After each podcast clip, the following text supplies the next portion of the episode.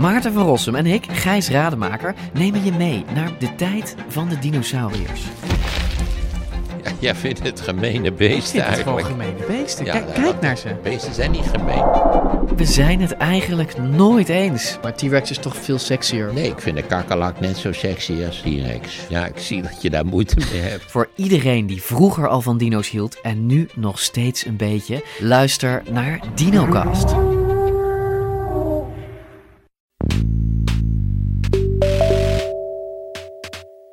I became famous, uh, as Andy Warhol once said, uh, for 15 minutes. Maybe a little bit longer than 15 minutes. In my case, it was 78 days.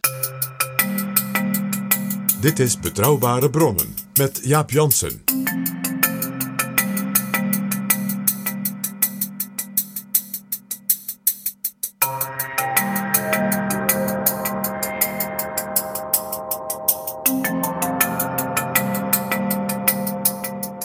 Hallo, welkom in Betrouwbare Bronnen, aflevering 31. Betrouwbare Bronnen maakt op dit moment in beluistering een groeispurt door. En dat is deze week nog eens versterkt door een mooie recensie van Paul Onkenhout in de Volkskrant. Hij noemt PG het geheime wapen van Betrouwbare Bronnen. Omdat we veel nieuwe luisteraars welkom mogen heten, adviseerde Tim de Gier van Dag en Nacht Media, de uitgever van deze podcast, me om nog even te vertellen wat eigenlijk het idee was achter Betrouwbare Bronnen. Nou, ik wilde met deze podcast iets maken wat op de Nederlandse radio en televisie niet of nauwelijks meer te vinden is.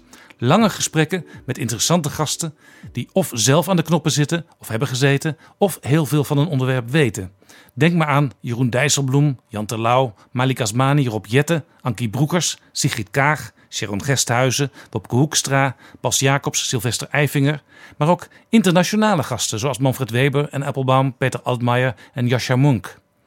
Het gaat wat mij betreft in betrouwbare bronnen over Binnenhof, Buitenhof en Brussel. Zo bedacht ik het in het begin. Maar inmiddels vaar ik samen met PG nog verder.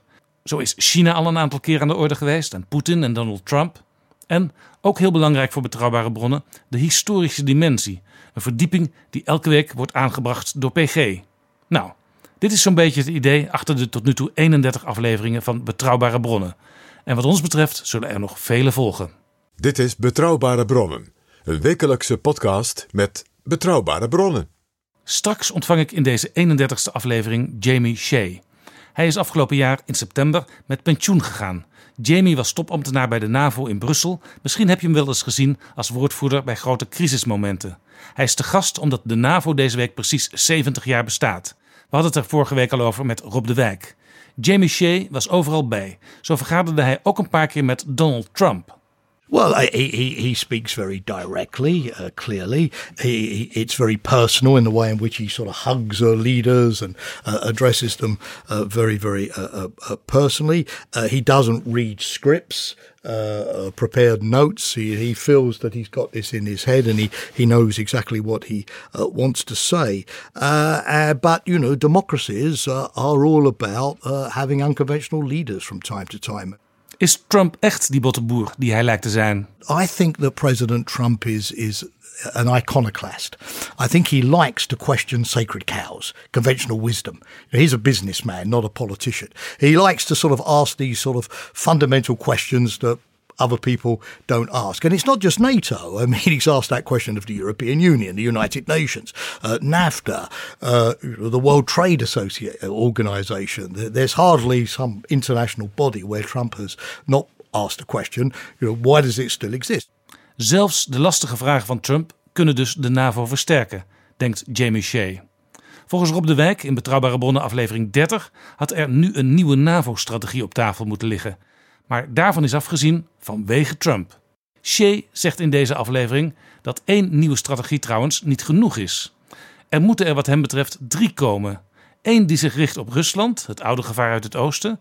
Eén die zich richt op het zuiden, inclusief het Midden-Oosten. En eentje die zich richt op hybride oorlogsvoering. Cyber is very attractive because for the first time in human history, anybody can attack anything, anywhere, at any time. Uh, where you sit, uh, on the other side of the world, it, it, makes absolutely no difference. Also, everything becomes a target. You know, when I joined NATO, targets were you know some military installations on your border, but now target can be your container company, the Port of Rotterdam, as you quite rightly said, your telecommunications, your, your national health service, R&D centers. your banking sector, yeah. everything is a target. So the, the great problem with cyber is that for the first time, governments have to defend everything and everyone. Het wordt er dus voor de NAVO niet gemakkelijker op. because uh, the the person who masters artificial intelligence, biotechnology, hypersonic, uh, very high speed uh, missiles and, and, and weaponry, the the, the digital uh, cyberspace, the future of robots, the In future comes China of space technology. That person will also dominate the future of warfare and conflict uh, uh, as well.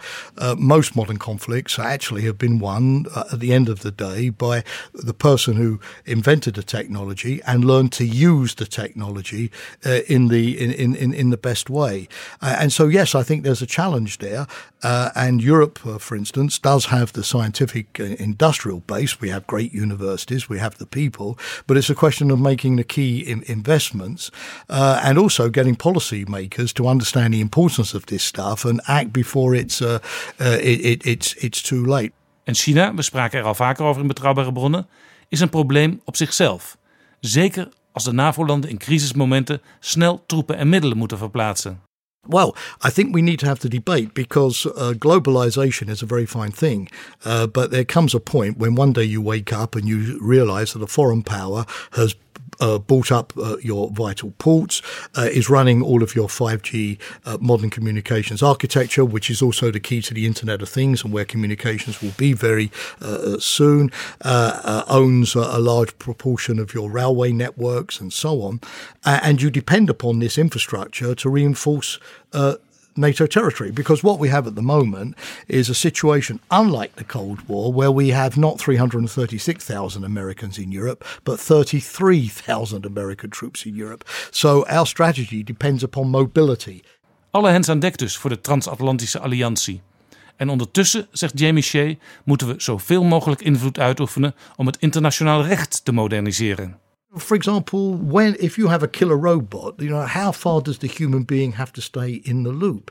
What is permissible about targeting? How much human control? These kind of issues they're not easy. But again, if we wait ten or twenty years, it will be too late. The uh, the horse would have bolted, the stable door would have closed, and we unfortunately will be in a world where it will once again be the the powerful who uh, dictate. Dit straks in een bijzonder interessant gesprek met Jamie Shea.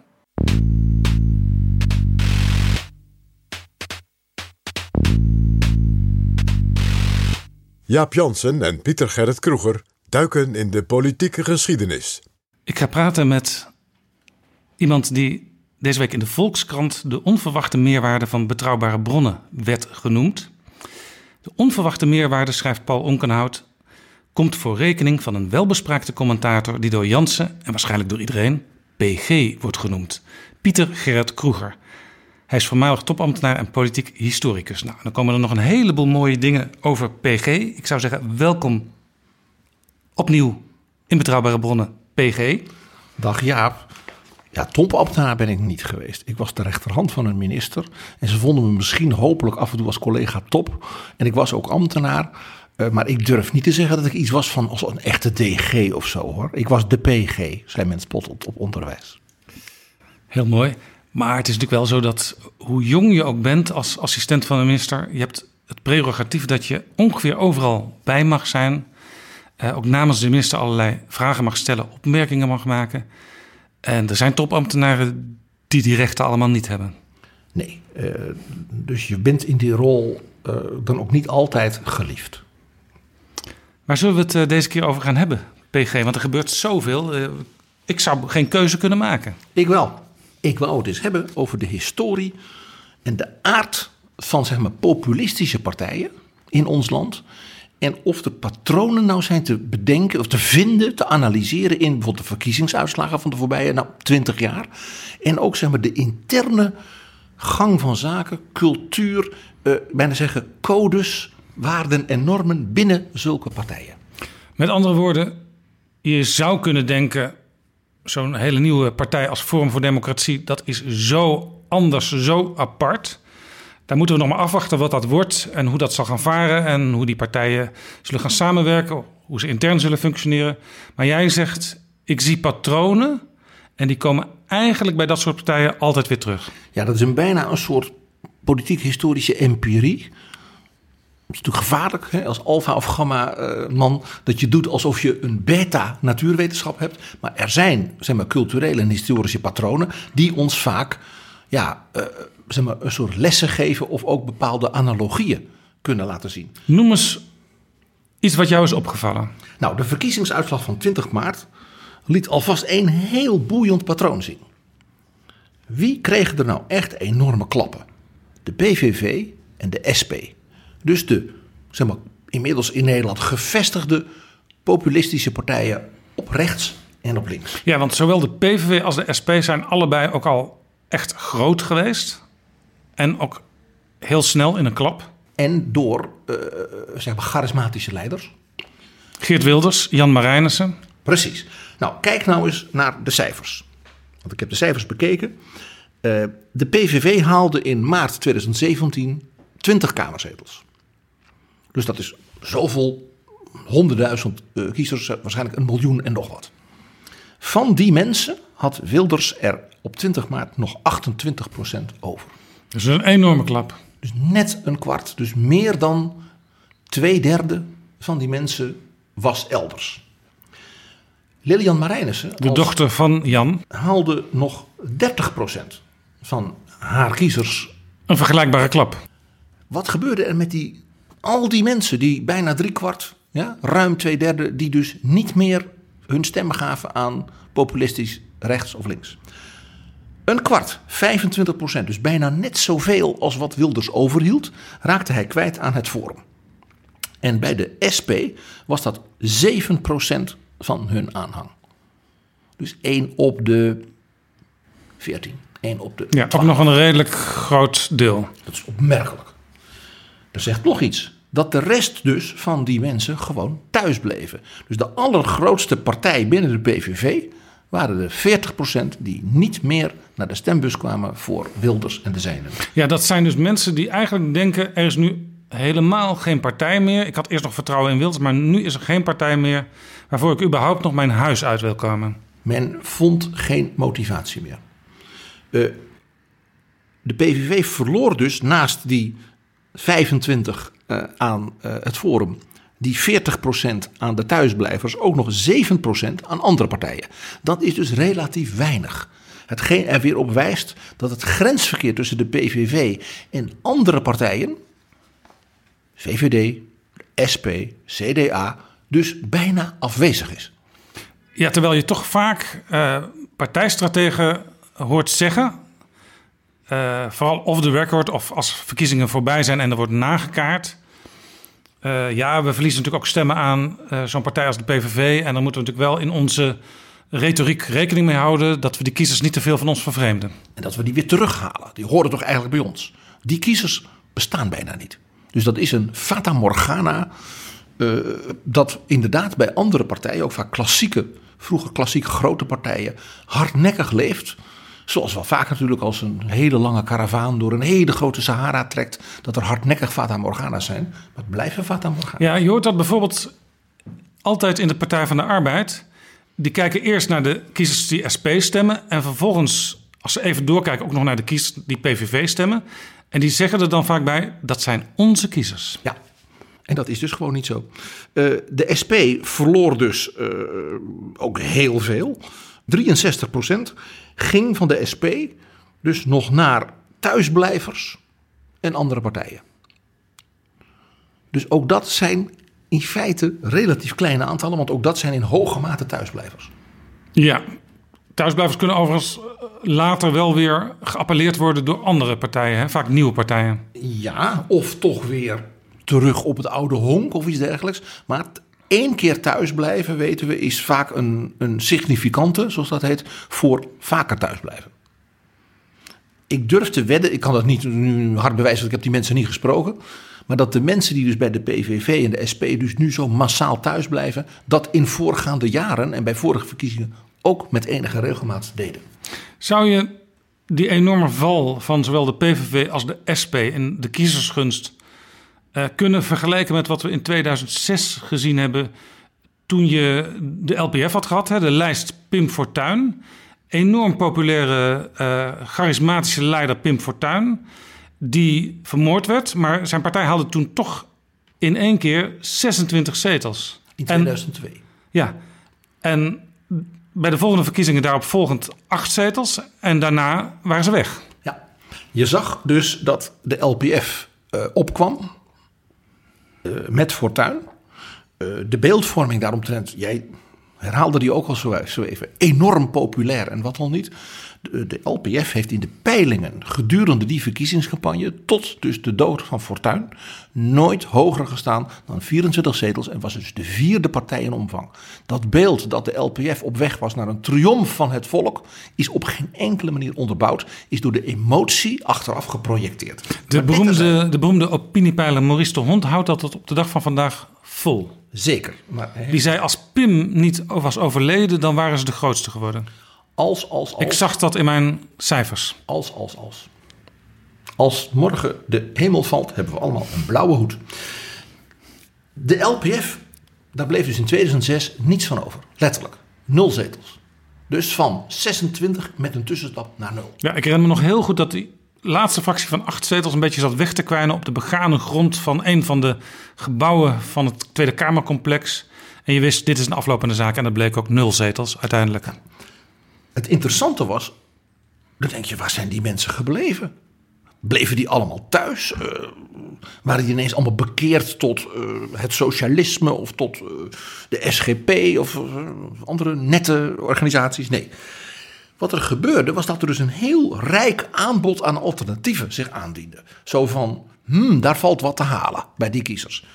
mooiste voorbeeld was dat Jan Marijnissen, leider van de SP, schoot in de kortste keren toen omhoog. Van 9 zetels in de Kamer naar 25. Ja, Jan Marijnissen die overigens veel bewondering had voor Pim Fortuyn. Zij konden ook met elkaar overweg. En Jan Marijnissen die had ook wel waardering voor bepaalde technieken die Pim Fortuyn toepaste.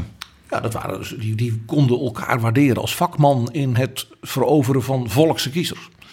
En Marijnissen ging zich ook ontpoppen in die periode tussen zeg maar, 2002, 2003 en de verkiezingen 2006 als een soort nationaal figuur. Hij ging samen met nota bene Maxime Verhagen het museum ja, van de vaderlandse geschiedenis en dergelijke. Want dat had natuurlijk het socialisme niet zoveel te doen, maar wel met een soort gevoel van Nederlandse identiteit. En daar, daar, daar schurkt hij dus aan tegen de wat zeg maar, behoudende uh, vleugel van het CDA. Ja, en Jan Marijnissen leidde ook een actie die er eigenlijk op neerkwam dat het einde van de beschaving moest worden voorkomen. En daar werden ook allerlei cultuurmensen bij betrokken. Alsof het niks met de SP te maken had. En dat was dus vanuit diezelfde gedachte. De identiteit van Nederland, dat was een onderwerp wat hij dus opsnoof, om maar zo te zeggen. Het was nog net niet de renaissance, maar het leek er wel op. Maar er was nog een aanbod op dat moment voor de populistische kiezers. En dat was de nummer twee van de VVD-lijst, Rita Verdonk. Die haalde honderdduizenden voorkeurstemmen. Ja, ruim 600.000. Meer dan haar lijsttrekker, ene Mark Rutte. En dan was er nog de groep Wilders, afgesplitst van de VVD. Kenmerkend, afsplitsingen, gaan we wat meer over hebben. En die kregen negen zetels. Dus je zag in 2006 die grote overwinning van de LPF zich vervolgens weer versplinteren over andere aanbieders.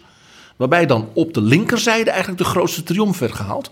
Dus ja, tussen dat rechtse en dat linkse was dus blijkbaar voor veel van dat soort kiezers het onderscheid zeer gering.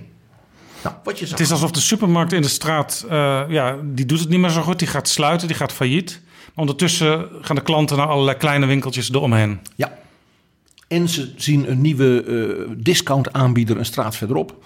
En dan denken ze, nou ja, die heeft ook bonusaanbiedingen. Wat je dus zag, was daarna een interessant proces. Je zou denken, nou, dan, de SP wordt dan de grote sterke club. En mevrouw Verdonk, dat wordt dus een enorm succes als leider. die zet die Mark Rutte even opzij. En uh, nou nee dus, mevrouw Verdonk scheidt zich af, afsplitsingen, daar zijn we weer. Richt trots op Nederland op. Gaat naar 30 zetels. De mensen werden, voorspelden haar dat ze premier zou worden met misschien wel in de 40 zetels.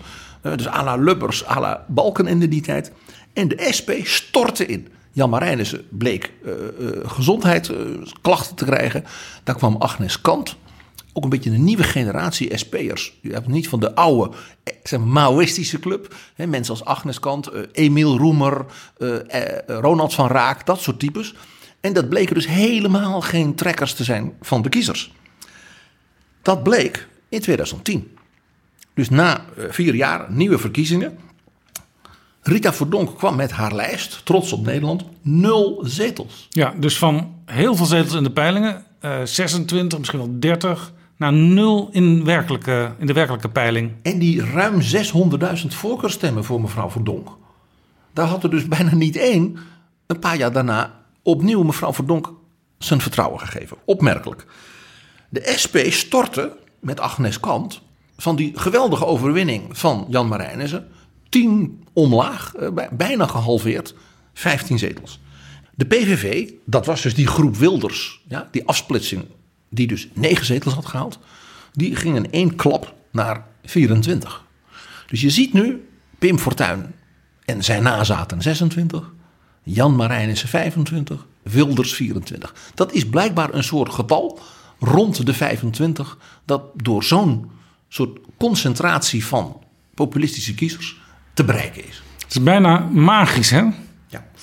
Het grappige is dus dat die andere partijen, Rita Verdonk 0, de SP die instort, uh, ja, dat, dat, dat, dus als het ware, dat die dan als het ware ten onder gaan, electoraal zodat er een ander, elk, bij, eigenlijk bij elke verkiezing een ander, die 25 zetels pakt. Het is dus heel wel mogelijk om heel snel als politieke partij op te komen.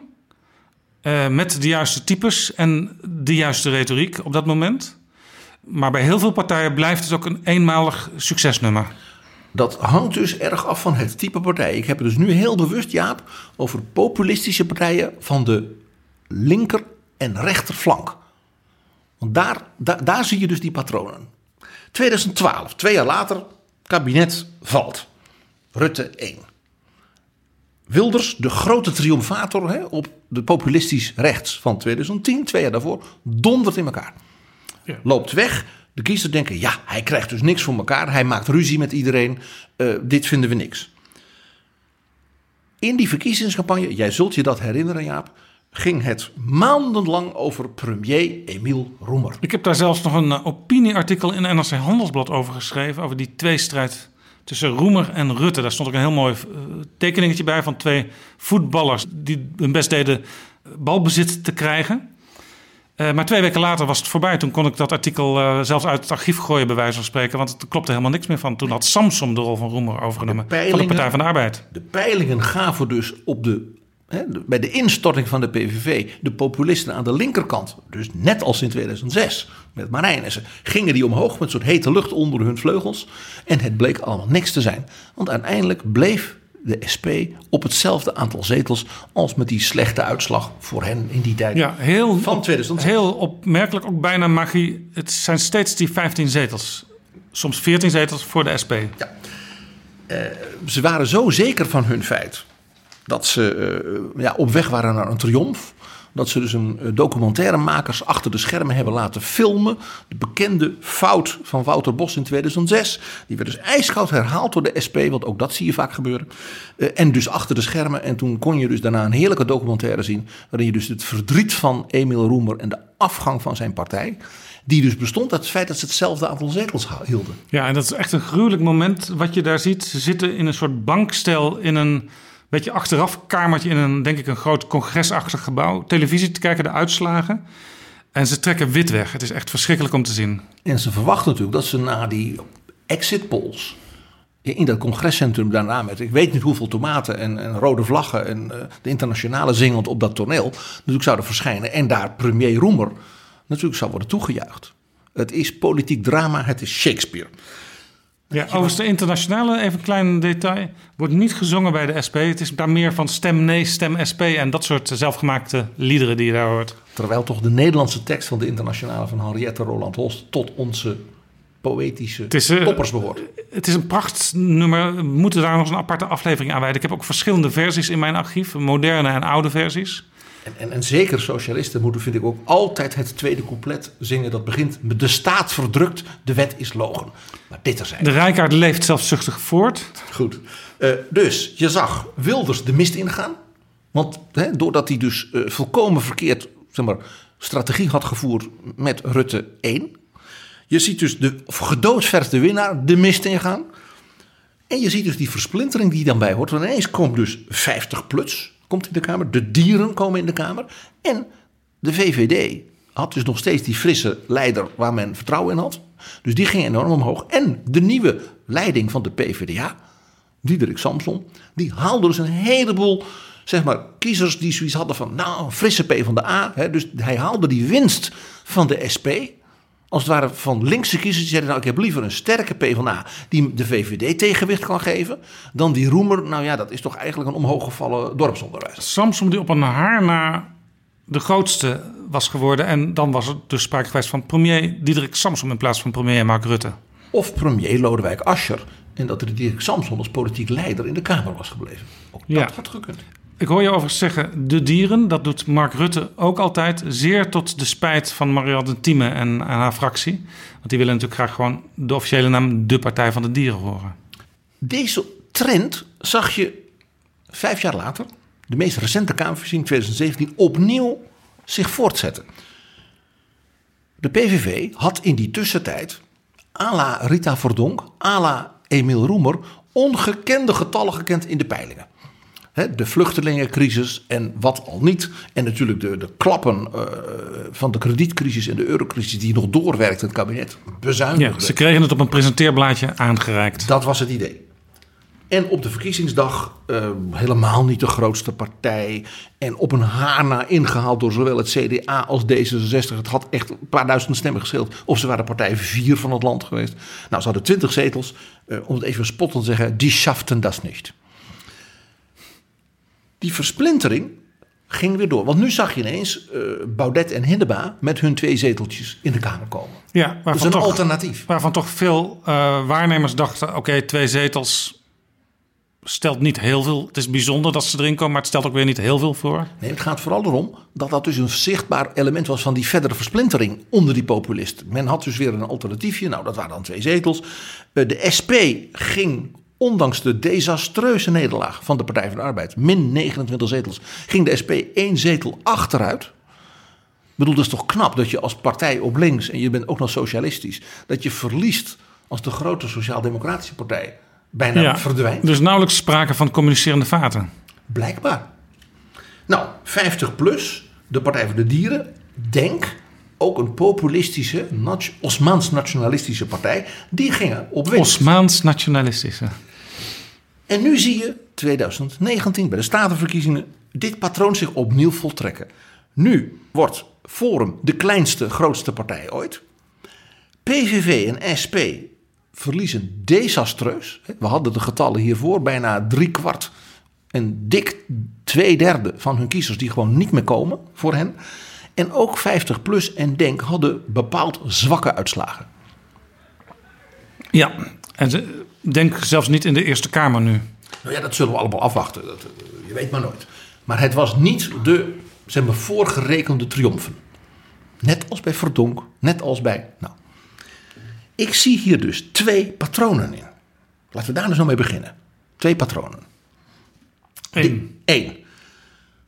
Als je dus winnende populistische partijen hebt. Hè, dan komen ze ineens weer op die 25 uit niets. En er is een partij zeg maar, in het centrum van de politiek. eh, klassieke, midden, consensusgerichte partijen. Die het ook erg goed doen. Dus naast elkaar. Dan is de impact van dus die populistische winst bijna nul. Dat hebben we gezien in 2002, 2003 en 2006 met Balkenende en zijn CDA van toen. Je zag het in 2012 met Rutte en met Samson samen. Ja. En zelfs in 2017 bleef de VVD wel overeind. En zag je een winst in het midden die bijna niemand toen goed analyseerde. Namelijk dat CDA en D66 en GroenLinks met elkaar 22 zetels omhoog gingen. ja, wat we dus fout doen vaak als waarnemers... is ons te veel focussen op die ene populistische partij bij de uitslag. En niet kijken naar zeg maar, het totaal van de evenwichten. Tweede patroon. Kenmerkend voor die populistische partijen en dan vooral op de rechterzijde is dus een gedurig proces, bijna organisch, van fragmentatie, scheuringen, afsplitsingen, separatisme. En ik noem dat maar een soort permanent cannibalisme van die verschillende partijtjes, bewegingen, forum, eh, tonnen. Ja, Eh, ze vreten elkaar voortdurend op. Wat natuurlijk ook bevorderd wordt door het Nederlandse evenredige kiesstelsel. Eh, je hebt al heel gauw een zetel in de Tweede Kamer als je het een beetje goed doet. Natuurlijk werkt dat kiesstelsel zo, maar het heeft ook te maken dus met blijkbaar de eigen aard van dat soort partijen. Mag ik een paar voorbeelden uit het verleden ook laten zien? Ook in andere landen. Dat het dus niet alleen maar dus door het Nederlandse kiesstelsel komt, maar dat het te maken heeft misschien wel met de eigen aard van dit type partij. Het is niet typisch voor Nederland dus. Nee. Marine Le Pen van, het, van de Rassemblement National in Frankrijk. Men denkt nog altijd dat het het Front National heet, maar ze heeft een naam veranderd Ja. na haar recente grote nederlaag. Schaamteloos gejat van Charles de Gaulle. Charles, Rassemblement pour la République. Dus de verzameling van het Franse volk voor de Republiek. Dus dat was een rassemblement voor iets bij de Gaulle. Die gooit haar eigen vader, de oprichter van de partij, waar zij zeg maar, haar baan en haar beroem aan te danken heeft, gewoon uit de partij. En haar leven aan te danken heeft. en haar leven aan te To danken. begin heeft. with. Precies. Eh, overigens, haar nichtje Marion Maréchal, zoals zij heet, eh, die is er ook uitgegooid. Want die had meer met die opa dan met haar tante. Het is echt een familiedrama. Dat is ook weer Shakespeare. Eh, en haar, de rechterhand die zij had, zeg maar haar topintellectueel en organisator van haar succes. Die was zo boos over hoe ze het verknald had tegen Emmanuel Macron. Dat die dus ook uit de partij gegooid is. Ja, want er was um, heel even ook een idee dat Marine Le Pen misschien wel eh, de hoogste score zou halen bij het presidentschap. In ieder geval in de eerste, eerste instantie. In de eerste ronde, maar ja, dat is in Frankrijk, eh, dat is gewoon, eh, dat zijn de stammen, ja, dus de socialisten, de, de, de, de midden-katholieken, eh, het Front National. En helemaal nieuw was toen, de, zeg maar, dus die liberale jonge beweging van, van Marche, van eh, ons vriend Macron, waar Jeroen Dijsselbloem van bekende tegenover jou, dat hij daar lid van was geworden. Tweede voorbeeld, Nigel Farage. U weet UKIP. United Kingdom Independent Party. Party. Die is uit zijn eigen partij gestapt vanwege de puinzooi, extreemrechtse types. En kondigt ongeveer om de drie maanden aan dat hij nu een nieuwe partij gaat oprichten. Ja, Waarmee zit, hij zit, gaat triomferen. zit traditioneel altijd met een flinke groep mensen in het Europees Parlement. Maar als het erop aankomt, hebben ze maar één of twee mensen in de House of Commons. Ja, maar vooral is het interessant dus dat hij eigenlijk die mensen waarmee hij dan wel in het Europees Parlement zit haat. Dat die elkaar ook fysiek naar het leven staan in de gangen van het Europees Parlement. Wie had ooit gedacht dat dat vaak wat saaie technische parlement zoveel drama zou kennen, dankzij de Britten. Eh, en Farage dus al door een nieuwe partij zegt te gaan oprichten, maar het nooit doet. Ja, zijn nieuwspartij heet de Brexit Party. Ja, maar die bestaat nog niet. Die bestaat alleen in, in, in aankondigingen. En dat is eigenlijk altijd geweest bij hem. Hij heeft laatst een soort mars, ook weer een mars aan mars, door Engeland gedaan. En dat was een vrij treurig beeld. Daar liep hij met waar 24, 25 mensen, misschien ook wel symbolisch voor het aantal zetels waar we het straks over hadden. Eh, door de regen. En het was niet echt een, een, een wervend beeld. Terwijl die regen natuurlijk heel erg hoort bij de Engel- Engelse identiteit. Dus hij zou eigenlijk blij moeten zijn. Maar het had een soort gele hesjes met Henk Bres eh, eh, plaatje. Nou, wat, wat je dus ziet uit deze, uit deze waarnemingen. Uit verschillende fasen. Ja, en ook in heel verschillende landen. Bij de Fransen, de Britten. Eh, denk ook eens aan Hero Brinkman als het uithangbord van de PVV. Die vervolgens weer afsplitste ruzie. Waardoor de PVV in feite Rutte 1 niet meer overeind kon houden. Dus Wilders had er gewoon belang bij dat dat kabinet zo snel mogelijk viel. Omdat hij de greep erop kwijtraakte. Nou, je ziet dus uit deze voorbeelden dat deze instructief zijn voor het analyseren van die patronen. Ik ga je nu twee voorbeelden geven. Waar je als het ware van één zo'n partij, als het ware dat is naloopt. Gewoon puntsgewijs, ik doe het heel kort puntsgewijs. Een buitenlands voorbeeld, waar in Nederland niet zoveel aandacht voor is van hoe zich dat ontwikkeld heeft. En een heel bekend voorbeeld in Nederland dat men altijd net verkeerd heeft bekeken. Ja, doe eerst maar dat buitenlands voorbeeld. Dat is de Alternatieve voor Duitsland. Dat is dus de, de rechtspopulistische partij die zich in Duitsland heeft ontwikkeld. En die werd opgericht door een aantal opmerkelijke mensen, namelijk een heleboel hoogleraren. Die waren uitermate bezorgd over zeg maar, de ondergang van de D-mark in de euro en de reddingsoperaties eh, door Mario Draghi eh, Dijsselbloem en dergelijke, waar we het met Sylvester Eifinger ook over hadden, ten aanzien van Griekenland. Werd in die tijd bijvoorbeeld in het Nederlands blad Elsevier met enige waardering ook de Professorenpartij genoemd. Juist. Professor Bernd Loeke was hun meest bekende figuur. Een interessante man, ook als hoogleraar. Maar ook heel kenmerkend een zeer, zeer conservatieve protestant. Wat in Duitsland in de politiek bijna niet voorkomt. Hij zou in Nederland rechtervleugel ChristenUnie SGP zijn. Heel veel kinderen ook. Zeer vroom, zeer ijverige type dat wij in Nederland ook kennen. Uh, maar bijvoorbeeld ook hun, zeg maar, uh, Bernard Wientjes, de VNO-voorzitter Olaf Henkel. Ja, tegenwoordig Hans de Boer. Ja, uh, ook, maar net als Bernard Wientjes, een wat oudere heer. En met een grote naam in de Duitse industrie. De, de firma Henkel en de familie Henkel behoort tot de top Duitse familiebedrijven. Wat, wat maken ze? Wasmiddelen. Oh ja, natuurlijk. Ja, dat is belangrijk. Het moet allemaal sauber zijn. Ja, was, was nog witter. Seife und wasmiddel. Ja. En die was dus medeoprichter uit grote zorg om de Duitse economie en de, zeg maar, de van de munt. In 2013 haalt die partij het net niet bij de verkiezingen voor de Bundestag. En ja, die stond Tot vele verbazing, want ze deden het in de peilingen heel goed. In de peilingen leek het heel aardig te worden, maar ze hebben het net niet gehaald. Dat leidde ertoe dat die partij begon vol te lopen met zeg maar, andere mensen, mag ik maar zeggen, rechtsradicalen, uh, ook in het oosten, een beetje dakloze mensen, politiek. Die gingen toen samenwerken en die hebben dus die professoren en meneer Henkel er allemaal uitgewerkt. Ja, want je had natuurlijk een aantal partijen in Duitsland die deels verboden waren in het democratische Duitsland. Uh, of die sowieso niet aan de kiesdrempel ooit waren gekomen. En die mensen zagen hun kansen schoon. Er is nu een partij, er is nu een organisatie. En als wij erin gaan, dan kunnen wij daar invloed uitoefenen. Ja, de Duitse Volksunion, natuurlijk de NPD, die, waar men probeerde te verbieden. Maar ja, dat mag in Duitsland niet. Duitsland ja, mensen rond het blad Jonge Vrijheid. Jonge Vrijheid, de, van alles wat. Uh, uh, en die, die er dus in die AFD. En die werkte die professoren en, en meneer Henkel eruit. Toen kreeg je dus Frauke Petri. Uh, een domineesvrouw uit Oost-Duitsland. Uh, toen meneer Gauland, die nu een beetje de partijleider, een soort wat oudere heer, uh, zeg maar rechtervleugel CDU. En Björn Hukke, een leraar geschiedenis. En dat blijkt gewoon een neonazi te zijn. Ja, die, meneer Gauland die zit ook altijd, als je nu naar de Bundestag kijkt, in het eerste bankje. Als fractieleider. Ja, ja. met zijn tweetjasjes. Hij ziet er een beetje uit als een, als een Britse conservatief, zeg maar zeggen, van het platteland. Ja, het is ook een soort brexiteer. ze zijn ook voor een Dexit. Nou, die professoren, ja, die waren dakloos, dus die hebben toen een splinterpartij opgericht, want dat werd nooit wat, die heette Alpha. Binnen die AFD, die dus begon te gisten van binnen, ontstond dus een enorm moddergevecht om het geld wat je kon krijgen bij verkiezingen, de posten, de stemmingen intern over lijsten. De kans is groot dat vrouwke Petri de gevangenis in moet omdat ze hebben gerotzooid met valse handtekeningen voor de kieslijsten in de deelstaat Zaksen, waar zij chef was.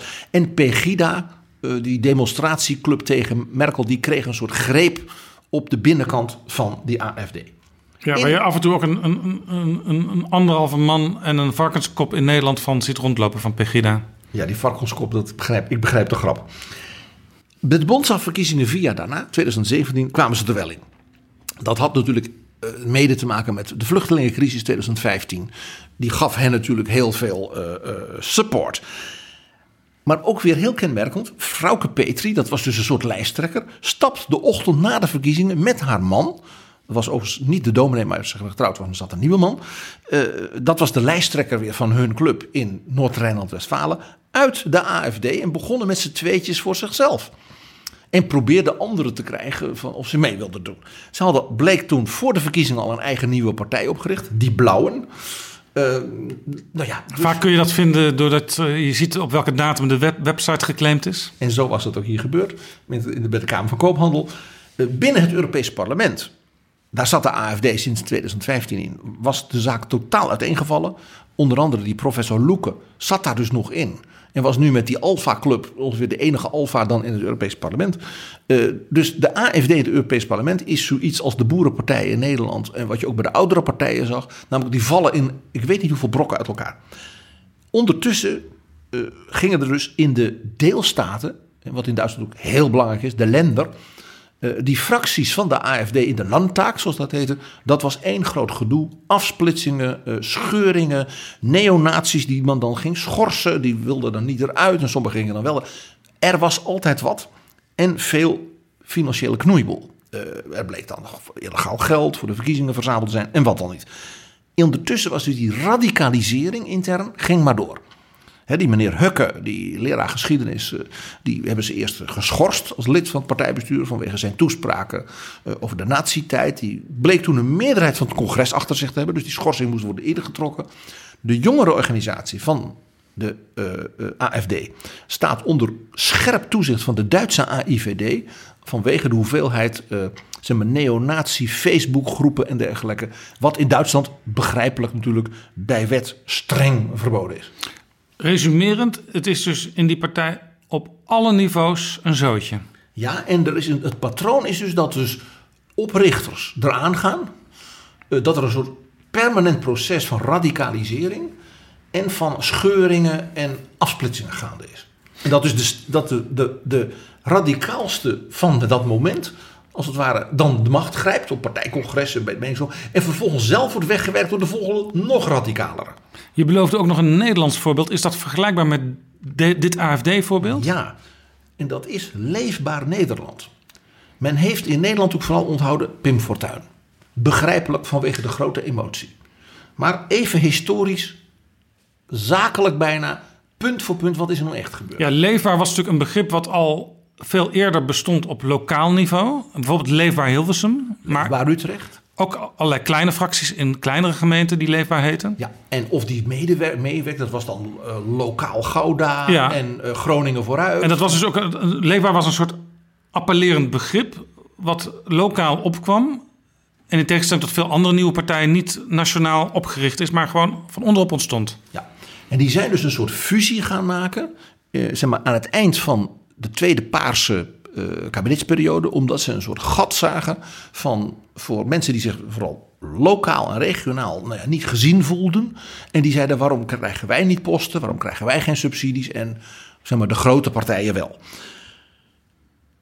Bij het fuseren van al die lokale clubjes uh, heeft men toen een politieke operative van het zuiverste water binnengehaald. Dat was Jan Nagel bekend PvdA-man, Varaman, een topper als het gaat om het intrigeren en organiseren van partijen. Ja. En die heeft dus die organisatie gemaakt. En het eerste wat hij deed, dat, vandaar dat ik zei, let op de patronen, is het min of meer terzijde schuiven van de oprichters. In het bijzonder bekende uh, Utrechtse popmuzikus of zoiets, Henk Westbroek. Ja, nou, die was er in eerste instantie nog wel heel erg bij betrokken. Die zaten ook samen te vergaderen steeds. Maar Jan Nagel was de baas. En Jan Nagel trok toen aan een lijsttrekker voor de nationale verkiezingen. En dat was professor Pim Fortuyn.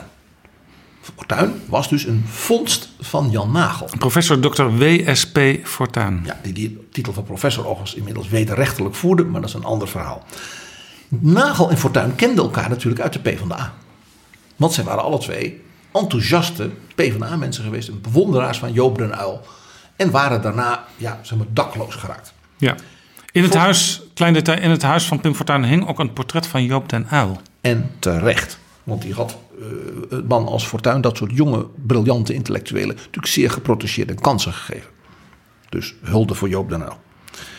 Fortuyn werd ook lijsttrekker van een nieuwe lokale afdeling, zoals Leefbaar Hilversum, Leefbaar Utrecht, Leefbaar Rotterdam. Wat gebeurt er? Die campagne gaat beginnen. Slaan de ruzies in, die partijbestuur, in dat partijbestuur.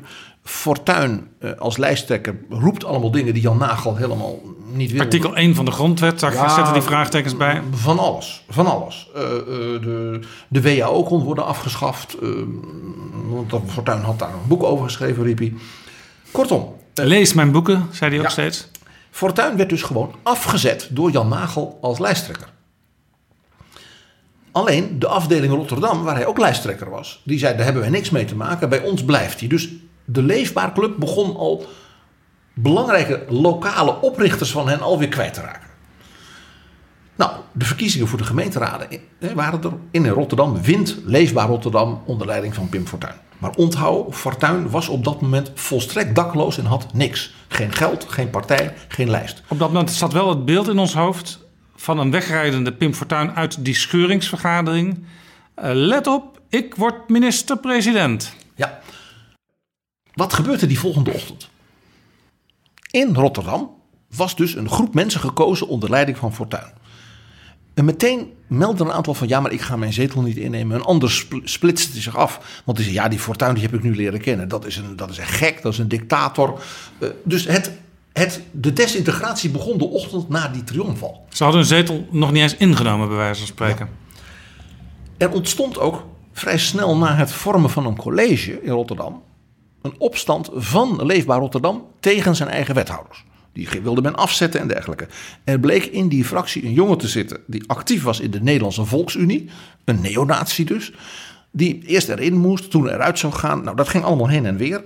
Toen hebben eh, de rechterhand van Fortuyn, Marco Pastors, en de latere wethouder en partijleider Joost Eertmans een soort staatsgreep binnen Leefbaar Rotterdam gepleegd. En hebben ook geprobeerd een eigen nationale partij weer op te richten. Hetgeen dan mislukte. Met als symbool de tulp. Dat, goed, dat weet jij weer beter dan ik. Eh, intussen stortte Leefbaar Nederland op het nationale niveau, dus even los van Rotterdam en, en, en Hilversum en dergelijke, volledig in. Doordat eh Fortuyn toen met zijn eigen lijst kwam. En dat is dus die fameuze LPF. Leefbaar Nederland raakte dus zeg maar 80, 90 procent van zijn kader kwijt. Mensen als Matt Herben, mensen als die Joost Eerdmans en dergelijke. Toen heeft men geprobeerd die partij een soort herstart te geven. Eh, Bij de Kamerverkiezingen haalden ze nog net twee zetels. Toen hebben ze het zusje van de campagneleider een tijdje partijleider gemaakt. En uiteindelijk de, de leden van Leefbaar Nederland, want die waren dat nog steeds... die kozen toen Emiel Ratelband Ja, even als de voor de helderheid. Dit was dus niet de LPF, maar nu hebben we het weer over Leefbaar Nederland, wat ook nog steeds bestond. We hebben het voortdurend over Leefbaar Nederland, waar je dus dat proces van desintegratie, radicalisering, net zo ziet als bij de AFD. Eh, Ratelband eh, wordt dus de, de, de leider eh, van Leefbaar Chaka, zal ik maar zeggen.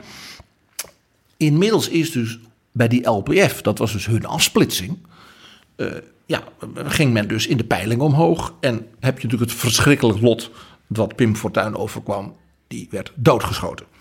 Die partij, die dus niet bestond, de LPF, dat was een lijst en losse mensen, was natuurlijk volkomen leiderloos. Had geen HRM, geen personeelsbeleid, had geen programma ook.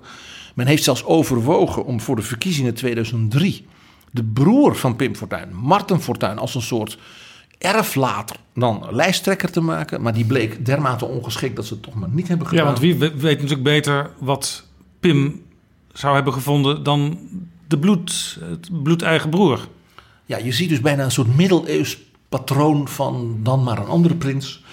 Eh, in de Tweede Kamer, die LPF-fractie, 26 mensen, die viel in brokken uiteen. Eh, men bedreigde elkaar op de gang in de Kamer met vuurwapens. De partij Is dat zo? Want dat wordt later is er ook al gezegd, nou dat klopt eigenlijk niet. Nee, dat is echt gebeurd. Er was iemand die met een doorgeladen pistool, zoals dat heet, in de fractievergadering verscheen. Eh, het partijbestuur heeft geprobeerd de fractie in de Tweede Kamer uit de partij te zetten. Dat wel een heel iets. En dan had je eh, mensen als eh, Winnie de Jong, heel hoog op de lijst, eh, die, nou laat ik het zeggen, niet helemaal van haar goed wist.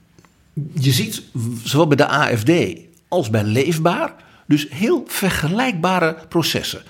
De oprichters die eruit gewerkt worden, radicalisering, afsplitsingen. het kan altijd nog gekker. organisatorische puinzooi. Opmerkelijk.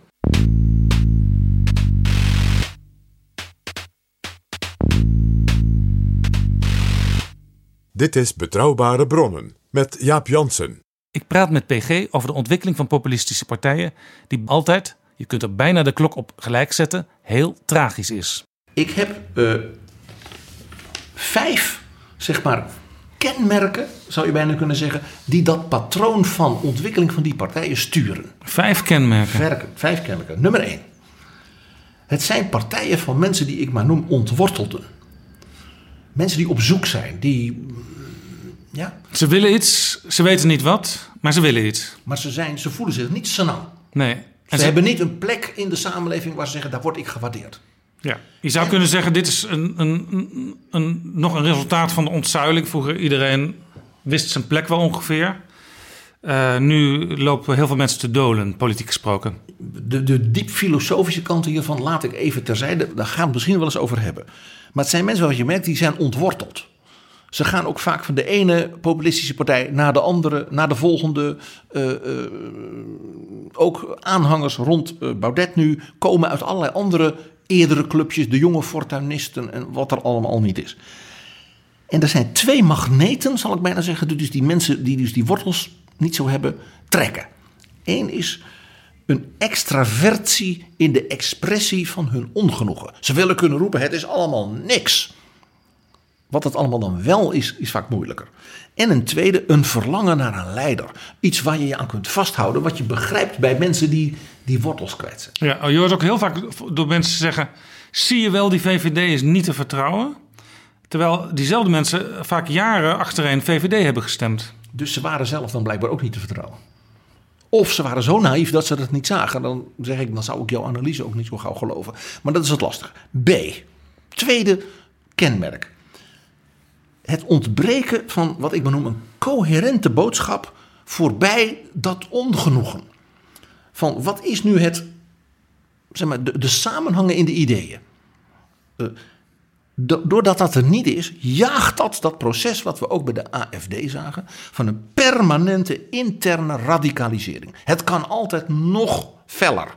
Er is altijd iemand die nog meer namens het volk spreekt. Dus je krijgt ook een permanent intern proces van polarisatie. Jij bent wel in mijn partij, maar jij bent niet scherp genoeg. En er is blijkbaar ook een aandrang naar de mensen die weer achter die politici zitten van...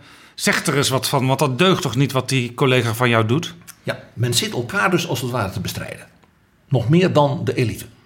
Uh, er is altijd iemand die nog, nog schreeuweriger kan zeggen: Ik spreek wat het, ik zeg wat het volk echt wil. Dus dat, nou, dat, dat wijst op een derde kenmerk, dat ik maar noem ongeremd individualisme. Die hang naar wat ik maar noem een soort narcistisch leiderschap. Een leider die dus er is omdat hij er is. Ja? Niet om de inhoud, maar daarom.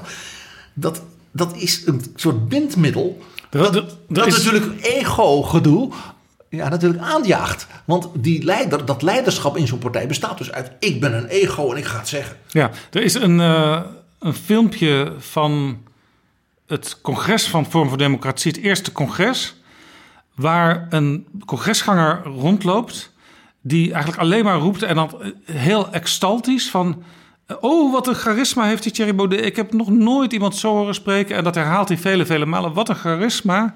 En tot mijn stomme verbazing trof ik deze man weer aan op de lijst voor de Eerste Kamer, ergens op nummer 18 of zo. Dus uh, wie weet, als er wat mensen doorschuiven naar het Europees Parlement en zo, komt zo iemand die dus puur op charisma maar is afgekomen, maar het verder niet heel erg diepgravend kan verklaren, komt straks ook nog in de Senaat. Hij is helemaal uit Maastricht gekomen. Vanmorgen om half zes opgestaan. De eerste trein uit Maastricht. Daarna voor de eerste keer in Amsterdam in de metro gezeten. Daarna met de taxi, want ik wilde hier per se op tijd zijn. En het is hier fantastisch. Ik heb nou één geweldige dag. Mogelijk misschien om mijn trouwen na en de geboorte van mijn kinderen. Het hoogtepunt in mijn leven. Echt, ik meen het echt. Dat er iets, iets aan het gebeuren is in Nederland. Iets nieuws. Waardoor wij over 10, 20, 30 jaar hopelijk nog bestaan en dat we niet een andere natie zijn. Ik heb er alle vertrouwen in. Echt geweldig. En ik ga straks weer met een goed gevoel naar huis. Ik ben gelukkig. Ik zeg het eerlijk. Zo is het toch? Ja, zeker. Met mijn schatje? Ik ben super gelukkig. Ook. Ook omdat hij zo gelukkig is. Hoe hij spreekt daar, dit doet hem niemand na. Niemand, niet in Nederland, in Europa niet. Ik vond Obama een hele goede spreker. Hè? Maar Thierry Baudet verslaat de hele wereld. Het is, het is, ik kan het niet onder woorden. Alles wat hij zegt is zo mooi en hij, hij doet het zo rustig. En het, het, het heeft iets, iets betoverends. Het, je blijft kijken. Hij kan nog uren door en je blijft kijken. Ongelooflijk. En alles wat hij zegt klopt. Je herkent het. Ja, maar hij heeft gelijk. En waarom heb ik er vroeger nooit zo over nagedacht? Ik ben er nou pas over lezen. Hè, dat we weg moeten uit Europa. Vroeger stemde hij automatisch maar uit fatsoen op CDA, VVD en de dag er niet bij na. Maar als je nou boeken over hem gaat lezen, je denkt, ja zie je, ja, een man heeft gelijk. De eerste keer dat iemand opstaat. Als een, uh, als een Torbeck of als een, of als een Erasmus. Echt, Geweldig. Ik ben dankbaar dat ik hier heb mogen zijn vandaag. Dat was een bezoeker van het eerste Forum voor Democratie-congres in november 2017. Hij heet Otto Hermans en hij blijkt nu op de lijst te staan voor de Eerste Kamer van Forum voor Democratie, nummer 18 op de lijst. Hij is oud tandarts en hij wil zich in de Eerste Kamer gaan inzetten om de kwaliteit van de zorg te verbeteren. Maar dat heeft dus te maken met dus wat ik noem het ongeremde individualisme. Uh, dus ook binnen die partijen is men dus ook vooral dus de ego's tegen elkaar aan het uh, uh, oppoetsen. En dat heeft natuurlijk weer te maken met dat vorige aspect. Er is altijd iemand die nog radicaler kan zijn. En dus nog meer het ware volk kan vertegenwoordigen. Wat je dus... het, leidde, het leidde afgelopen zondag zelfs tot een merkwaardig toestand bij de, in de talkshow van Harry Mens op RTL 7. Of RTL 5, maar in ieder geval op RTL. Gekochte zendtijd door Harry Mens. Waarin hij de tweede man van het forum uh, ontving, meester Theo Hiddema. Door zijn fans ook wel de Hiddemeister genoemd. En ja, je gelooft het of je gelooft het niet, maar daar ontstond zelfs een soort begin van ruzie tussen die twee. Want Harry Mens, die las niet het geprogrammeerde lijstje op van vragen die ze samen hadden afgesproken. Die ging hele andere vragen stellen. En dat zei Hiddema gewoon. En dat ging minutenlang door. Het was echt een heel merkwaardig tafereeltje. Ja, dat, dat is heel herkenbaar. Heel Misschien herkenbaar kunnen we een heel klein stukje van laten horen. Maar is het niet zo, je hebt aan de ene kant de, de crimineel in, in de slag in de dader. Wat zit je nou weer over die Anne Faber? We hadden afgesproken dat je dat niet zou doen. Ja, maar ik wil... Want ik wil mijn kruid droog houden in de Tweede Kamer. Dus zit jij me hier uit te melken. Zoek begin... een ander onderwerp. Jij bezit, op, je begint hey, met Willem van Halen een complotje gesmeed tegen mij of zo. Ja, nou ja, anders ben je echt niet in de, de toom te houden. Jij moet hier echt de greep houden. Waar hou je nou in je onderwerp? Ja, maar ik vind gewoon dat die, die, die, die daders... dat zijn aan de ene kant patiënten... Daar heb je psychiaters en dokters voor nodig. En aan de andere kant zijn het criminelen. En hoe kun je nou verwachten dat dat allemaal in één persoon verenigd zou kunnen worden tot, tot iets wat, wat contro controlerend is? Een hele ingewikkelde vraag. We hebben het Elber 1 en dezelfde man, dat is Michael P. Die zat in Vught, was hij gevangene. En als hij dan in een setting komt in Den Dolder, dan noemen ze hem daar cliënt. Of patiënt. Nou, wat, wat, maakt dat nou uit? Het is toch dezelfde fysieke verschijning die Michael P. heeft. Maar ik begrijp dat er 24 van dat soort gevallen nog los rondlopen. Nou, dat heeft, dat heeft de minister uh, ontdekt en dan heeft hij ingegrepen. En, en wat ga je er nou tegen doen? Begin je nou weer? Ik ga je dat niet vertellen. Ja, dus dat wordt... Uh... Harry, ik daag me niet uit, anders loop ik nog weg ook. Ik heb een last van die hond en die, schamele ondervraging van jou, die hangt me op de kelen. Begin nou eens aan wat je me. Wat me opvalt na de overwinning van jou, dat je arroganter tegen me gaat doen. En voorheen likte jullie ons. Wat lul je Likken? nou? Ja. Met groot smolken tegenzin ben ik aan deze tafel verschenen. ja, door de jaren heen. Door de jaren en nou heb je geholpen en nou ben je klaar. Je, bent, je, gedomme, je, je lijkt me zo'n Jij duwt me, beroepspoliticus. dat trekt me naar binnen en dan krijg ik dit te horen. Ik heb Rutte ook geholpen en op een gegeven moment bleef hij weg. En jij begint dezelfde neiging Nou, te dat zal krijgen. ik nooit doen. Oh, nou, daar zijn we het weer eens. Nee, maak je geen zorgen. En, dan, en dan vreekt die jongen. Ja, dat is zo'n deerniswekkende vertoning. Daar heb ik echt van gesmuld. Dat is wel in een eigen dunk. Eh, zo van, hier sta ik, ik kan niet anders. Dat was Theo Hiddema in een gesprek met Harry Mens, de presentator van Business Class. Wat je hier ziet, is dus in dit zeg maar, derde van die vijf kenmerken van het ongeremd individualisme, dat dus daarbij hoort ook een ontbreken van wat ik maar noem interne samenhang en solidariteit. En dus ook, en dat, en dat heb je dus rond ideeën, waar je voor staat. Dat je zegt, we zijn als club, als politieke beweging of politieke partij, nou, solidair met elkaar omdat wij bepaalde ideeën belangrijk vinden. En die zijn belangrijker dan die ego's. En dat zag je hier dus prachtig dat die er dus niet is en dat ego belangrijk is. Ja, want Harry Mens beschouwt het, het uitnodigen van mensen van Forum voor Democratie ook als een soort soft sponsoring van zijn zijde van die partij. Ja. En een element wat ook daarbij hoort bij dat ongeremd individualisme is het ontbreken van een gunfactor. Kenmerkend voor organisaties die als ware zo'n coherentie wel hebben, is dat je gunt elkaar wat in het kader van het succes van de club. Of de, het, het enthousiasme in de samenleving voor de ideeën van die club. Heel kenmerkend is men gunt elkaar nooit iets. Typisch dat ego-achtige. Vierde, zal maar zeggen, kenmerk dat als dat patroon wat we eerder zagen, als maar aanjaagt. Dit type partijen heeft van nature uit zijn oprichting geen politiek bestuurlijk inzicht. En daar zie je de signalen van. Nee, door schade en schande wijs geworden. Wat voor grote partijen die, die, die tientallen, soms, soms eeuwen bestaan, geldt. Die kunnen nog teruggrijpen op iets wat in 1958 gebeurde. En toen kunnen ze zelfs vandaag nog dingen van leren. En dat hoeven Dat dus geen grote niet. partijen te zijn. Een SGP heeft dat ook en die heeft nooit meer dan drie zetels. Maar daarvan weet je, die zijn geworteld en die hebben dus politiek en bestuurlijk inzicht. Die hebben, mag ik zeggen, fundus. Die zijn gefundeerd. En ik heb daar vier signalen waaraan je dat merkt in dat soort partijen. Het wordt Eén. bijna een proefschrift, PG. Nee hoor, ik heb de pretentie niet. Dr. PG Kroeger. En ik zal het ook niet aan Jean-Marie Le Pen laten zien. Punt 1. Kenmerkend van dat gebrek aan politiek bestuurlijk inzicht is... het is altijd een puinzooi en een chaos rondom het HRM. Het personeelsbeleid. Jij had onlangs in een column eh, zo voorgerekend hoe voor die statenverkiezingen... en het, het Europees Parlement en de Senaat... eh, het Forum dus had opgegeven van... kijk ons eens even veel doen op dat punt. Men had Ja. 2000 cv's bekeken... Ja, uit 33.000 leden. Enorme potentie. 5000, nee, 500 gesprekken gevoerd. Nee, 2000 cv's en met 500 mensen gepraat. Was het niet zo? Zo was het. En dan kom je met een lijst waarbij je in sommige provincies al niet genoeg mensen hebt. En een heleboel lijsten waar het, zoals die mevrouw, die Doreen eh, Rookmaker. die op drie lijsten tegelijk staat en blijkbaar nu al overspannen is. Nou, dit zie je dus, dat zag je ook bij de LPF. Men, de- die mensen kwamen overal maar vandaan. Pim Fortuyn heeft nooit iets gedaan zelf om een mooie, samenhangende, inhoudelijk sterke lijst te maken. Ja, er is er eentje die wel eh, op alle drie de plekken gaat zitten. En die is ook tried and trusted door Thierry Baudet en Henk Otte. En dat is Annabel Nanninga, voormalig journaliste. Die zit nu in de Staten van Noord-Holland. Die gaat ook in de Eerste Kamer zitten. En ze zat al in de gemeenteraad van Amsterdam. Precies. Eh, Maar dat is natuurlijk wel een ideaal voorbeeld van kartelpolitiek. Drie posten op drie verschillende lagen. Maar dit terzijde. Je zag het ook binnen de AFD. Met al die neonazies die daar zaten.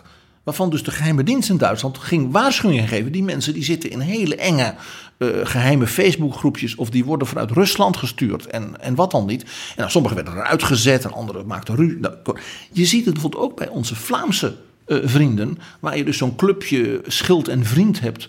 Wat dus ja, eh, nou ja, wat, de, wat ze daar dan noemen, ewigestrigen zouden de Duitsers zeggen. Die dus vroeger ja, extreemrechtse Vlaamse clubs voortzetten. Die dus in allerlei rechtse groepjes in Vlaanderen en ook binnen het Forum hun leider Dries, wat is het, lange, lange schild of zoiets. Dries van Langenhoven. Ja, die is, is dus een enthousiaste bezoeker en meer dan dat van de zomerconferenties van het Forum. Ja, terwijl ze, eh, die schild en vrienden, je zegt dan neo- neonazistische jongeren en zo, maar ze zien er keurig uit. eh, keurige scheiding in het haar, eh, blauw t-shirtje aan, eh keki, Bermuda. Ja, maar het, het feit dat je een slecht, gevaarlijke opvatting hebt, betekent niet dat je niet naar de kapper hoeft.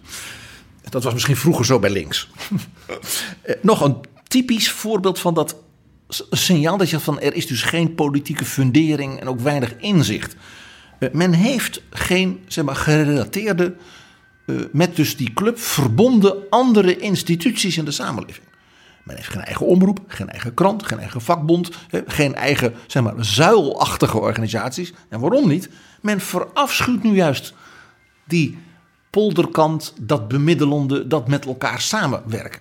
Dus dat verhindert daardoor ook het ontstaan van die politieke fundering en dat inzicht. Ja, juist als je elkaar een beetje ruimte geeft, dan ontstaan er ook nieuwe initiatieven. En wordt het breder en daardoor uiteindelijk ook dieper. Ja.